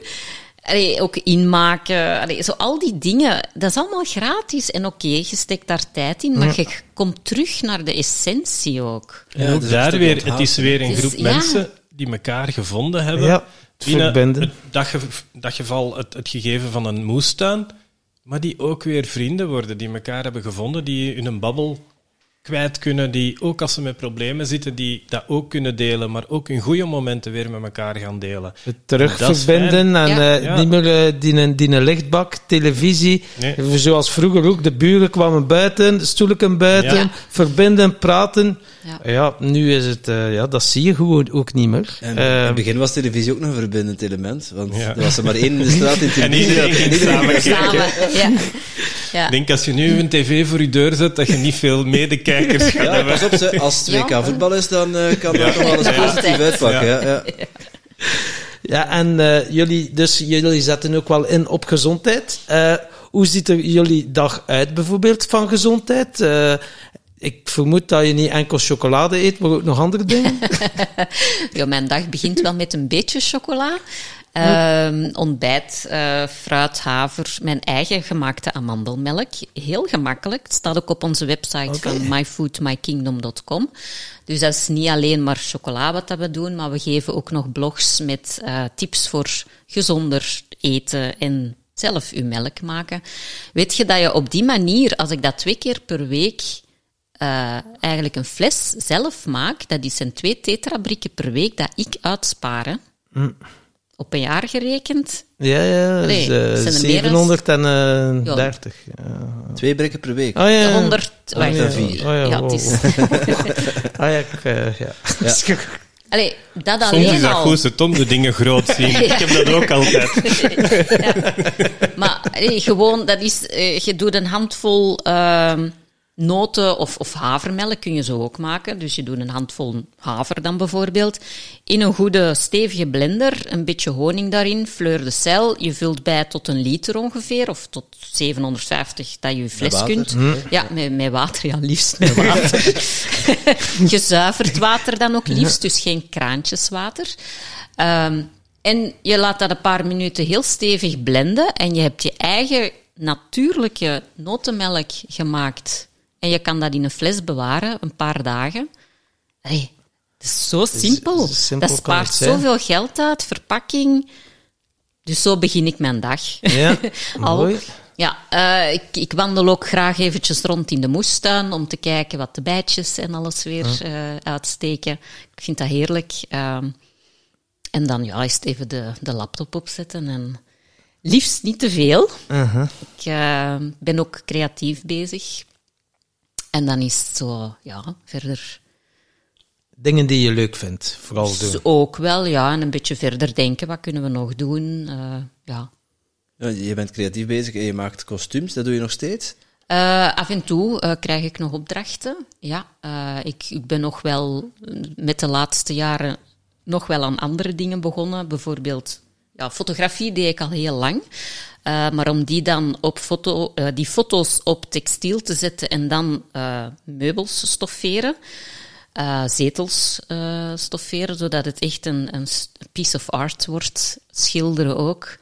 Dus ik ben eigenlijk in 2020 met, in het najaar, toen dat ik ook zo hard gefrustreerd werd en dat ik dacht van, laat de wereld maar voor wat dat hem is, ze luisteren toch niet, ben ik, ik gewoon nageltjes in zetels beginnen slaan en zetels beginnen opmaken.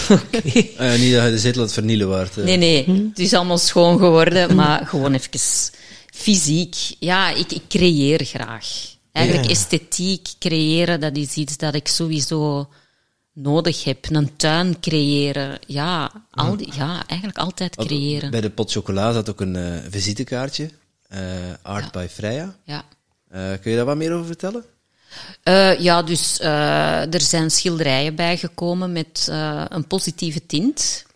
Allemaal positieve woorden om jezelf ook terug een beetje de goede weg op te, op te brengen. Ik had dat zelf ook wel nodig, want voordat je het weet ben je echt zo weggezakt.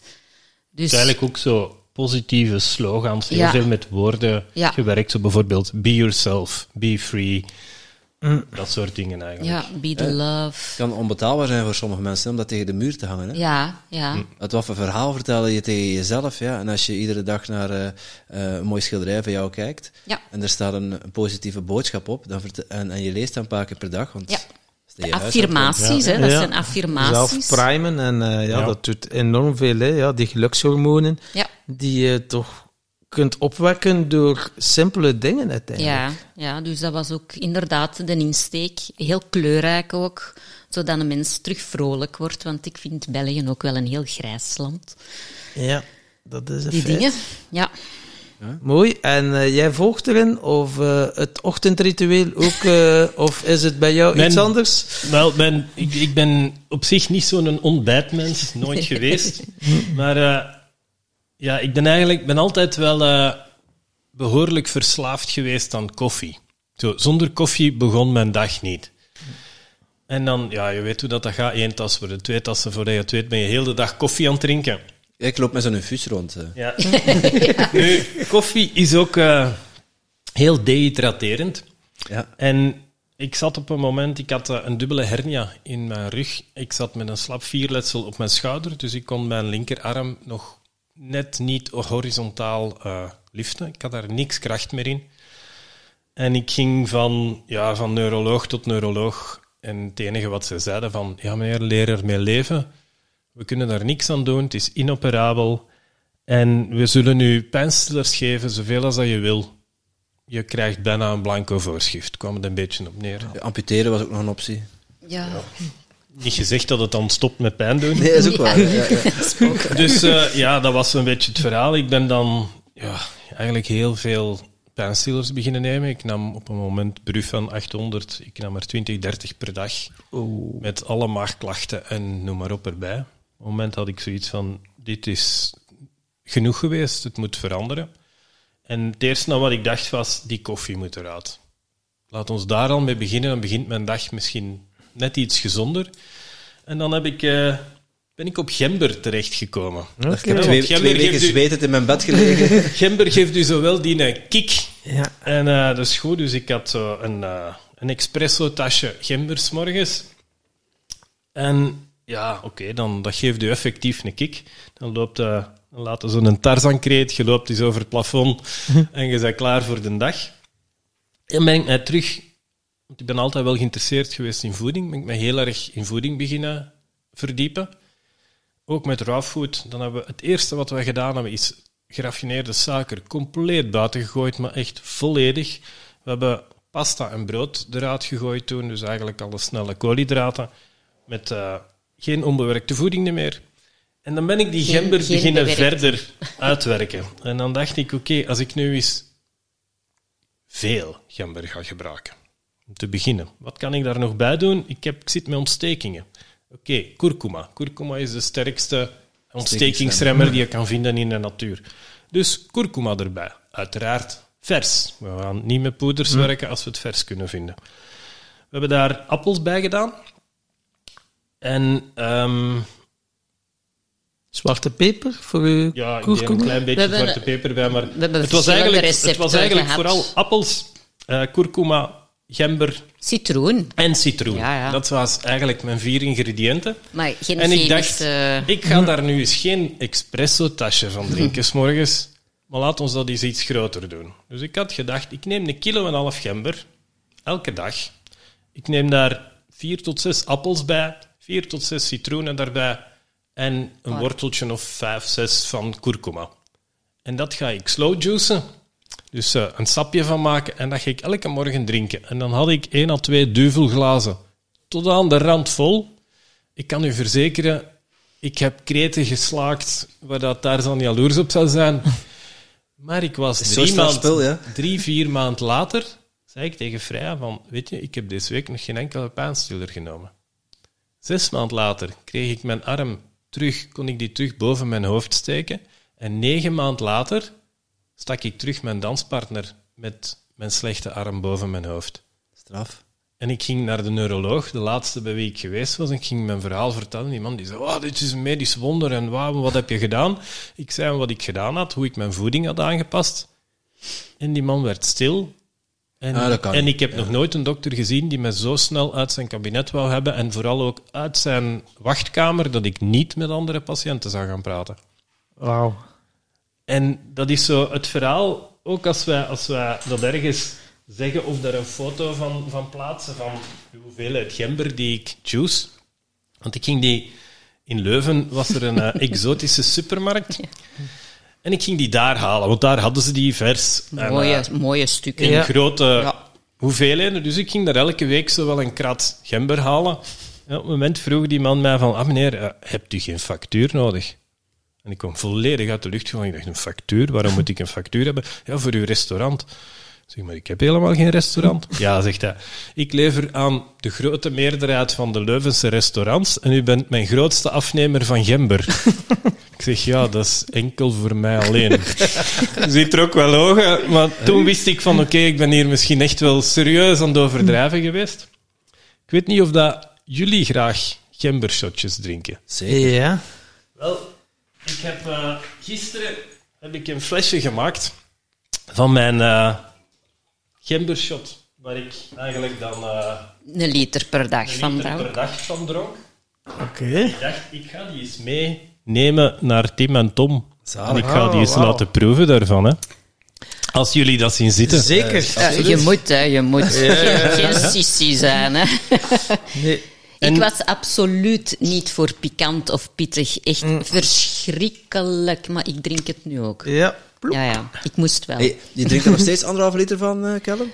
Nu is het in fase, hè, wanneer dat we ons... Ja, als er, Ja, het is met periodes. Ik drink eigenlijk, ik heb altijd wel zo enkele flessen in de koelkast staan en ik drink daar heel regelmatig van. Maar dat is ook met periodes dat ik het niet drink. Ja. En, maar Als je doe voelt elk- dat je lichaam terug even iets nodig hebt, dan, dan begin je terug aan Ja. dus dat is ook weer de kracht van... Ondertussen kun je uitschenken. Ja. Eh, de, de kracht van, van, van de plant, hè. Dus Ja. we, we hebben al meerdere gasten te gast gehad die zichzelf hebben genezen met plantmedicijnen. Ik vind gember is eigenlijk ook een plantmedicijn, want wat veel mensen niet weten is dat het een natuurlijke penicilline is. Mhm. Dus eh, het werkt antibacterieel, het is septisch, het is eh, eh, goed voor je bloedsomloop, ontstekingsremmend.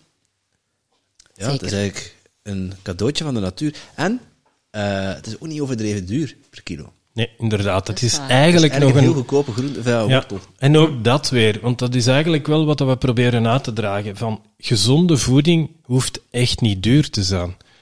En wij zijn, ondertussen zijn we ook begonnen op onze website myfoodmykingdom.com met eigenlijk een gamma van zo natuurlijk mogelijke eh, supplementen aan te bieden. Dus ook weer whole plant-based, dus met volledige planten, niet met uitgesynthetiseerde eh, ingrediënten en bestanddelen ervan, maar volledige planten. Waarom? Omdat enerzijds mensen kwamen ons vragen van, ah, wat kunnen jullie aanraden? Dan is ons, ons motto eigenlijk altijd, ons eerste antwoord is altijd, zoek het bij natuurlijke voeding. Bijvoorbeeld zoals ik heb gedaan met gember. Maar ik weet ook, er zijn weinig mensen zo zot als ik om een kilo en een half gember per dag te gaan eten, negen maanden een stuk. Dat doet niemand. Ja, ze gaan zoiets een stukje van een centimeter of twee centimeter een blokje eten. En dan hebben ze zoiets van, wow, ik sta in brand, dit kan ik niet aan. dan denk ik van, oké, maar van dat één stukje, dat is geen wonderpilletje. Het is niet dat je dat even neemt en dat je 10, 20, 30, 40, 50 jaar slechte voeding en slechte levensstijl even de sponsor over en dat je terug gereset bent en dat je terug in orde bent. Nee, als je het echt met voeding gaat doen, dan moet je ook hoeveelheden durven Het, nemen. ja. We hebben het afgelopen weekend nog, stonden wij ook ergens op een marktje en er was een man die zei van, oh ja, maar het is het seizoen van de bessen. En bessen hebben heel veel vitamines en zo en Antioxidanten, en antioxidanten. ja. En daar ga ik echt voor. Ik zeg, oké, dat hoor ik heel graag. En ik neem aan dat u een halve kilo of een kilo bessen toch wel neemt per dag. Nee, nee, een handje vol. Ja, dan gaat er eerlijk gezegd ook niet ver aan komen. Dat is goed. Ik kan dat zeker aanraden. En, en alsjeblieft, blijf gemotiveerd om dat te blijven doen.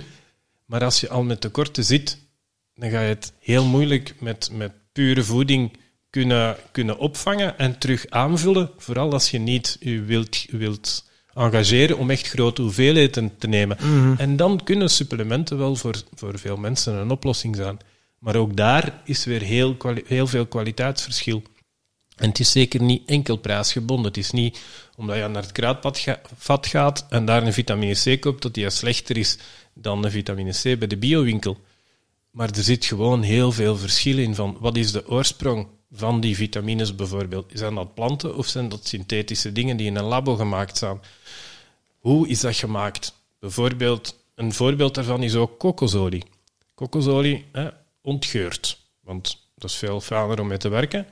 Maar hoe wordt dat ontgeurd? Dat staat op geen enkele verpakking op. Want je kan gaan ontgeuren, bijvoorbeeld met een procedé van, van stoom, door het eigenlijk een stoombad laten gaan. Dan wordt heel kort wordt er gloeiende stoom doorgejaagd en dan ruikt die kokosolie niet meer. Maar je kan dat evengoed door een bad laten gaan van hexaan. Hexaan is een behoorlijk giftig product, wordt ook gebruikt als raketbrandstof. En dan zeggen ze, oh ja, dat wordt daarna verhit en dat vervluchtigt allemaal. Daar schiet niks van over, of bijna niks. Wel, sorry, maar ik wil het niet meer in mijn lichaam hebben. Maar het staat er gewoon niet op. Dus je moet echt al een, een hele zoektocht gaan doen als de fabrikant het je zelfs al wil zeggen hoe dat ze het doen. Dus dat zijn hele moeilijke dingen. Maar gezonde voeding, ja, zeker, eh, zeker een aanrader en er vooral voor durven blijven gaan. Ja. Het zijn ook dingen waarin dat wij mensen ook mee helpen. We hebben bijvoorbeeld op, ons, op onze website hebben we ook een programma dat noemt My Sweet Healthy Family. En dat is eigenlijk om mensen vooral, dat is eigenlijk een bewustwordingsproces om mensen bewust te maken van de kracht van voeding en hoe dat ze het kunnen herkennen.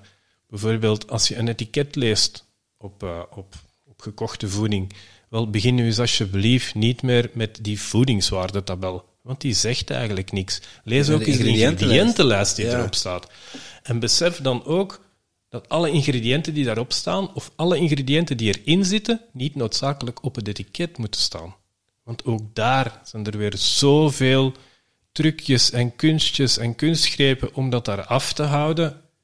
Allee, daar, daar sta je stom van. En, en wat sommige mensen ook niet weten, is het, het, het etikettenlijst met ingrediënten. Het is wettelijk verplicht om eh, in volgorde van hoeveelheid Ja. te werken. Ja. Dus inderdaad. hetgene wat als eerste vermeld is, zit er Ja. het meeste in. Ja. En wat is dat vaak? Eh, of water of suiker. Inderdaad, Ja. en heel vaak suiker.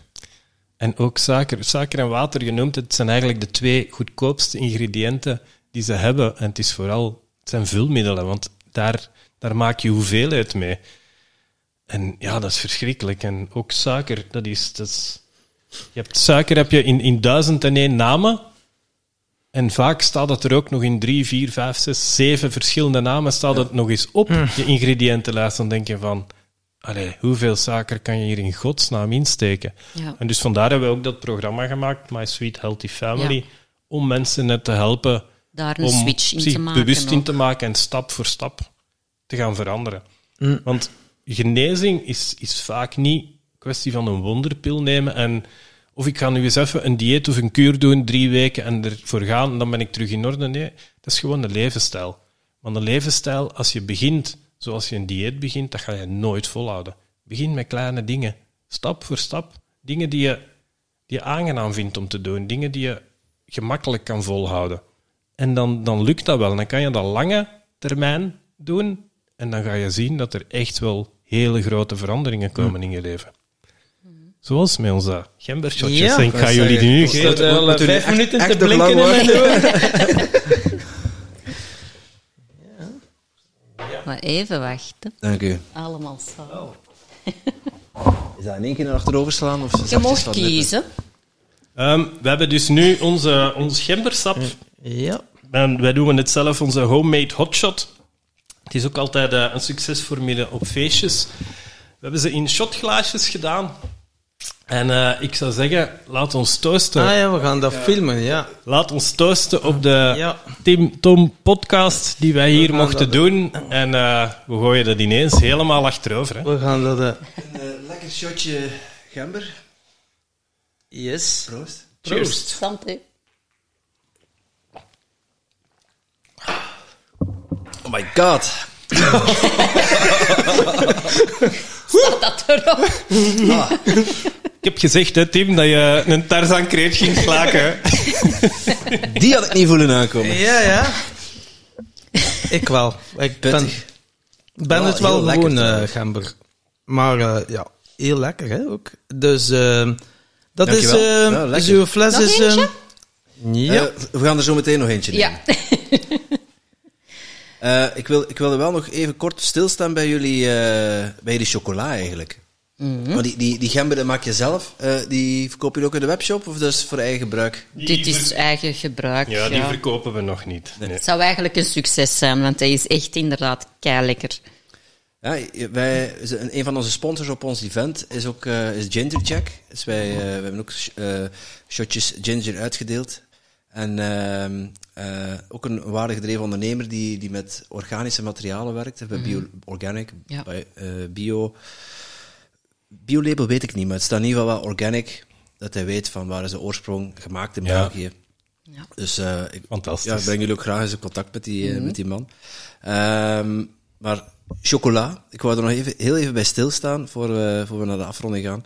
Eh, want ja, er zitten een aantal, je hebt net, net de ingrediënten genoemd, maar er zitten ook een paar eigenschappen in die, eh, die we nog niet benoemd hebben. Bijvoorbeeld eh, dat het keto is, het is lactosevrij, er zit geen zuivel in, eh, geen additieven. Geen soja, Geen wat soja. voor, sommige, voor veel mensen tegenwoordig ook een probleem is. Dus niks van emulgatoren. Ja, geen soja. En misschien de belangrijkste van allemaal, die ik zelf het tofste vind, hij is bikini-proof. Daar discussiëren wij dus al jaren over. Hè. ja. En waarom is dat? Ja, omdat er uiteindelijk echt, inderdaad, er zit niks slecht in voor het lichaam. Eigenlijk werken amandelen afslankend. Je kunt dat opzoeken op internet. Ehm, het zijn gezonde vetten, dus geen dikmakende. Die, chocola geeft ook een veel sneller een, een voldaan gevoel. Dus je gaat daar niet zo tien van achterover slaan, want je lichaam zegt gewoon, ik heb genoeg. Dat is een heel ander effect dan gewone chocolade. En guilt-free, dat is bikini-proof. Eh, ja, je hoeft je niet schuldig te voelen als je er, eh, als je er één of twee of drie eh, naar binnen Nee. snoept. Nee. Nee, Er zitten ook geen ge, zeg je dat, geraffineerde suikers in. nee. Het- Klein vleugje honing. Ja, het is eigenlijk ook dat wat wij ja, aan, aan de lijven hebben ondervonden van als je een nieuwe levensstijl begint, dat is iets wat dat je hopelijk een hele lange tijd nog kan volhouden. En dat kan je alleen als je je zwakke momenten weet op te vangen. En onze chocola is daar eigenlijk het ideale voorbeeld van, want dat is lekker, dat is romig. Dat, het geeft u echt het gevoel van, ah man, dat had ik nu eens echt even nodig. Eigenlijk hetzelfde wat mensen normaal gezien gaan grijpen naar, ja, naar snoepgoed, naar fastfood, naar zo die instant... Ja, ja, direct. Dus even Ja, een, zo van, een oh, ik nu even eh, terug een ja. kick, want ik heb het nodig, ik kan het niet meer aan anders. Wel, Ja. die kick, die zwakke momenten. En dat kan je dus echt wel op een gezonde, verantwoorde, natuurlijke, lekkere manier. En vooral dat lekker is toch wel heel belangrijk, vind ik. Ja. En dat is wat we met chocola wouden en willen eh tegemoetkomen. En vandaar ook guilt-free en bikini-proof. Ja, en, veel noten, dus veel eiwitten waarschijnlijk. Ja. Eh, Magnesium. Gezonde vetten. Ja, veel magnesium zit er Geen eieren, had ik ook gezien. Nee. Op de, Ja. Inderdaad. Dat zijn allemaal wel En leuke gezonde dingen om kruiden. mee te geven aan onze, aan onze Ja. We zijn Ja. met chocola zijn we in zo'n... eh Ongelooflijk, hè? een start-up community terechtgekomen en dus daar ook zo begeleiding in gekregen door coaches en, en noem maar op. En dat was eigenlijk van in het begin altijd eh, een discussiepunt tussen ons en de coaches. Want wij zeiden, ja, hè, guilt-free, bikini-proof, ehm, geen geraffineerde suikers, eh keto-proof, eh, geen kleurstoffen, geen bewaarmiddelen, glutenvrij, noem maar Ja, op. Zo hadden ze een hele reeks die nu ook trouwens allemaal op onze verpakking opstaan. En die zeiden altijd van, kies nu eens één of twee Maximum en dat gaan we marketen. Ja, en wat is dat moet van, erop. Dat gaat niet. dat gaat niet, want als we iets zetten, dan gaan de mensen komen vragen, en heeft Zit het dat dat, er en heeft het dat, en heeft het dit? Effectief, hè? Ja. Ja, dus, eh, ja. Dus alles erop. Ja, ik was wel even bezig om het allemaal te lezen wat erop stond. Eh, dat is een feit, ja. Ja. Ja. Hey, jullie chocola zit in een pot. Eh, het is... Ja, het is, het, is, het is niet veel werk. Het is eh, eh, heel goed te doen. Je noemde het net al. Eh, dus even opwarmen ook bij Marie. En dan moet je het in vormpjes schieten. En die vormpjes gaan in de, in de diepvries. ja, en eten doe je rechtstreeks uit de diepvries. Ook heel leuk om de vormpjes eh, te vullen met kinderen. En zo leren zij ook gezonder snoepen. Samen met kinderen bedoel je. Ja, Kinderen in de diepvries. Nee, nee, nee, nee, nee, nee ja. Zo. Ik was iets te compact bezig waarschijnlijk. Ja, betrek ze mee in het proces om de chocolaatjes Van te mij is vijf maken. maanden pas net in de diepvries. eh, Ja. nog, ja. Het was daarmee, ik zag u denken, ik dacht, ik ga dat toch even verduidelijken. Ik weet echt niet meer wat ik gezegd heb. Anders had ik gebeld. Kellen, eh, er is iets met mijn kleine. Ja, wanneer moet ik die eruit halen? Een uurtje was lang genoeg, hè? Ja. ja. Maar je had ook wel gezegd, eh, dus een uurtje in een diepvries en dan zijn ze eetklaar. Ja. En bewaren doe je dus ook sowieso in de diepvries. Bewaren ook in de diepvries. Ja, het is inderdaad. niet dat je bijvoorbeeld zegt, ik steek ze in een pot en ik zet ze in de frigo. Dan, Dan gaan worden ze net iets zachter ja, worden. Ja, dan krijg je meer de truffelstructuur. Oké, ja. Terwijl rechtstreeks uit de diepvries, allee, je hebt ze al gegeten, het is zeker niet dat het Nee, ja, de nee, hardheid van een ijsblokje wordt. Nee, absoluut. Nee, nee. Het blijft Nee. echt zo, ja, Echt een chocolade. Echt, Ja, jij het krijgt echt die, wel, die eh, knap die je ook bij, Ja, ja, bij ja. chocolade hebt.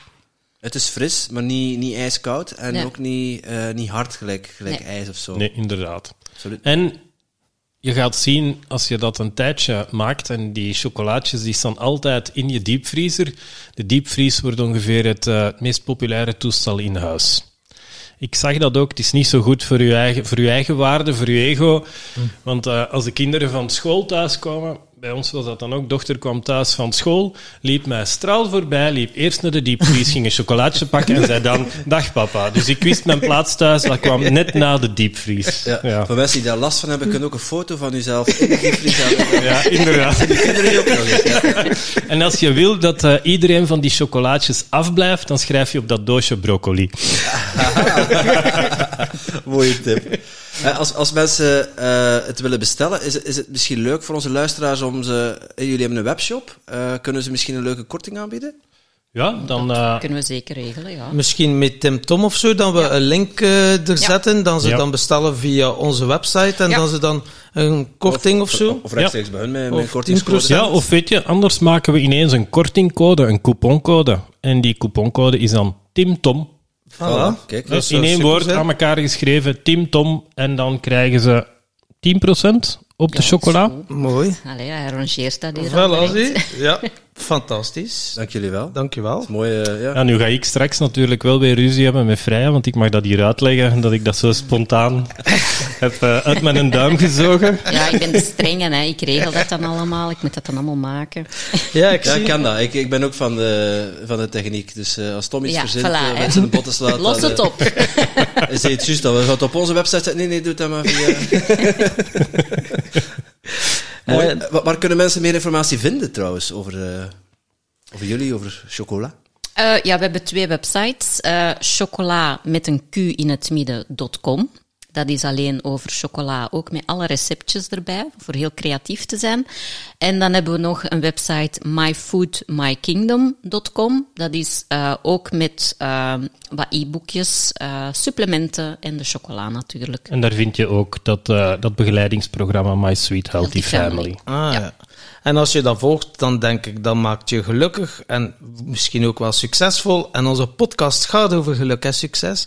Die had ik van jullie graag geweten. Ehm, we gaan starten met Freya.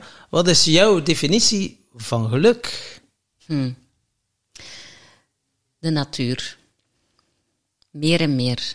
Dat is iets waar ik echt terug in thuis kom. Oké, interessant. En eh, ja, eigenlijk, hoe simpel kan het ook zijn? Ja. ja, De natuur zien groeien. eh, ja. ja, mooi. Meer moet het ook niet zijn. Nee. Callen heeft natuurlijk nu al ruim de tijd gehad om over na te denken. Eh, wat is jouw definitie? Ja, ik denk dat dat ook vrij eenvoudig is. Mensen verbinden. Ik ben echt een mensenmens en dat is het liefste wat ik doe. Dat is gewoon mensen in contact brengen met elkaar, mensen op ideeën brengen, mensen vooruit helpen. Dat is wat ik echt wel graag doe en dat besef ik elke dag meer en meer. Heel mooi. Een succes, hoe zou je dat omschrijven, Vrij? We zullen misschien beginnen met Callen. Hè? Eh, met- met Callen ja, we hebben een eh, die heeft vrij wat tijd om na te denken. zomaar even op de. Ja.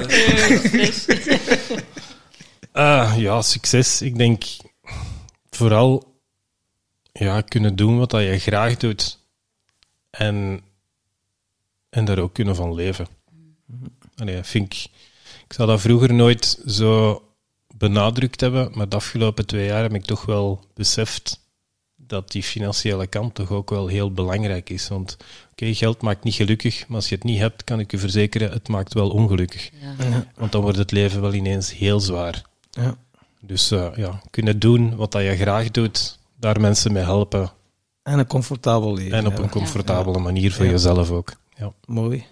Dat is voor mij behoorlijk gelijkaardig. eh, die stress niet hoeven te voelen van tekort aan geld te hebben, maar dat je wel uit dat vrij gevoel dat je dan hebt, want anders maak je je daar weer zorgen over, dat vrij gevoel dat je daar terug dingen in kunt creëren waar dat je mensen mee kunt inspireren, op ideeën brengen en ja, genoeg hebt om van te leven dan. Ja. Leven in overvloed en Ja. niet in tekort. Het is Ja. eigenlijk wat dat we... We zijn al heel veel ook aan het praten geweest ah, met elkaar, Vrij en ik. Het is eigenlijk wat dat we zo'n beetje onze toekomst ook meer en meer willen gaan doen. Dus veel meer terug lezingen gaan geven, mensen inspireren, mensen motiveren. Podcasts zoals met jullie gaan doen. En eigenlijk op die manier ook weer, ja, live by example zou ik bijna zeggen. Vooral dat. En, en Ja, want jullie zijn zeker inspirerend. Nu ben ik zo wel benieuwd. Wie zijn zo jullie grootste inspiratiebronnen op het gebied van gezondheid of van persoonlijke ontwikkeling? Of, eh, Ik denk dat we geen van beide mensen zijn die zo een idool ooit hebben gehad. We hebben veel mensen gevolgd en, en daar stukken uit genomen. En eigenlijk onze eigen weg daaruit gedistilleerd. En het ons eigen gemaakt eigenlijk. Van Ja. duizend en één puzzelstukjes zelf samenvoegen. het is niet en- zo dat je zo boeken, zo, wow, dat heeft mij een inzicht gegeven, of zo m, eh, mensen dan zo toch wel een rol van betekenis hebben gespeeld, zonder dat, dat te idoliseren natuurlijk. Maar eh, Nee, ik denk, ik denk dat wij wel allee, in, in ons traject, in ons leven, heel veel mensen zijn tegengekomen. Heel veel gigantisch inspirerende gesprekken hebben gehad. Hm. Maar evengoed ook mensen zijn tegengekomen aan wie dat je je compleet niet wilt spiegelen. En eigenlijk zijn dat ook dingen die bepalen wie dat je bent. Want als je iemand tegenkomt en je zegt, oh, zo wil ik nooit worden, dat bepaalt misschien nog veel meer dan iemand dat je zegt, zo wil ik worden. Dus ik denk, elk stukje van je leven ja, vormt je gewoon en, en is een stukje van wie dat je bent. Allee, ik denk, als ik morgen zou sterven, ik hoop dat het nog niet voor direct is, maar dat ik eigenlijk ook van niks spijt zou hebben. Mhm. Misschien dat je sommige dingen wel een beetje anders zou doen, maar Ja. zeker niet om, om er spijt van te hebben. En ook voeding. Allee, eh, gezondheid is niet alleen voeding, maar ook de, uw geest. Uw lichaam vertelt heel veel wat dat, het, ja, wat dat er scheelt. Wil u heel veel zeggen. Dus eh, ik zie daar die een dikke boek staan. Eh, Sleutel tot zelfbevrijding. Voilà, dat is ook zoiets. Eh uw lichaam geeft signalen. En dat heeft niet altijd met voeding te maken. ja. Maar en, luister daarnaar. en uw geest voeden, ja, dat doe je dan ook wel met lectuur waarschijnlijk, of inspirerende gesprekken bijvoorbeeld. eh. het is ook maar wat dat je erin steekt. Hè. Als je in een blender allemaal van die veiligheid steekt en dat brouwsel Ja. dat eruit komt, ga je dat drinken? Of stikt het allemaal mee gezonde groenten en fruit? Ja. dat dat is zou net er het best zijn voor je lijf. Ja, maar dan is het ook het- net hetzelfde. Wat, wat neem je in je op, Ja. in je geest? Ga je inspirerende boeken lezen, podcasts luisteren? Of ga je alle dagen de kranten lezen en naar de mainstream media eh, volgen en kijken? Ja, Naar schietseries kijken. ja allee. het is inderdaad wat dat je erin steekt, dat komt er ook uit. Want Ja. dat- Ja. met die informatie ga jij dingen gaan produceren en dingen gaan creëren. En Mm. je kan maar, ja, hetgeen dat je erin stopt, komt eruit op een Ja, of andere Als je een manier. positieve oogst wil, moet je ook positieve zaadjes planten. Hè? Klopt. Ja. Dat is absoluut waar. Dat is mooi gezegd.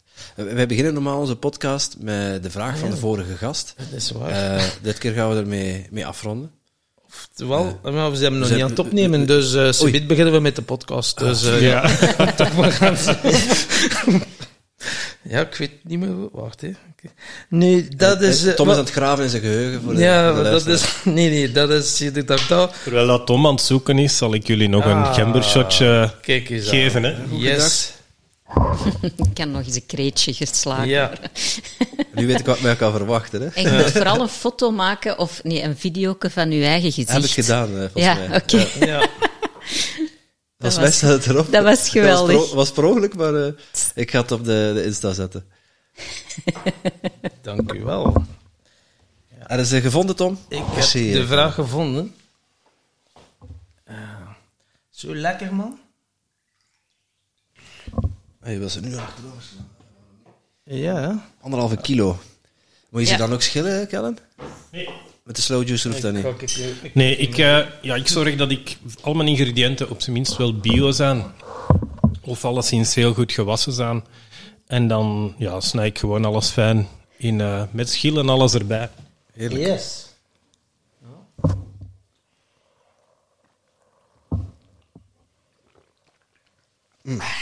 Ja, wat is dat?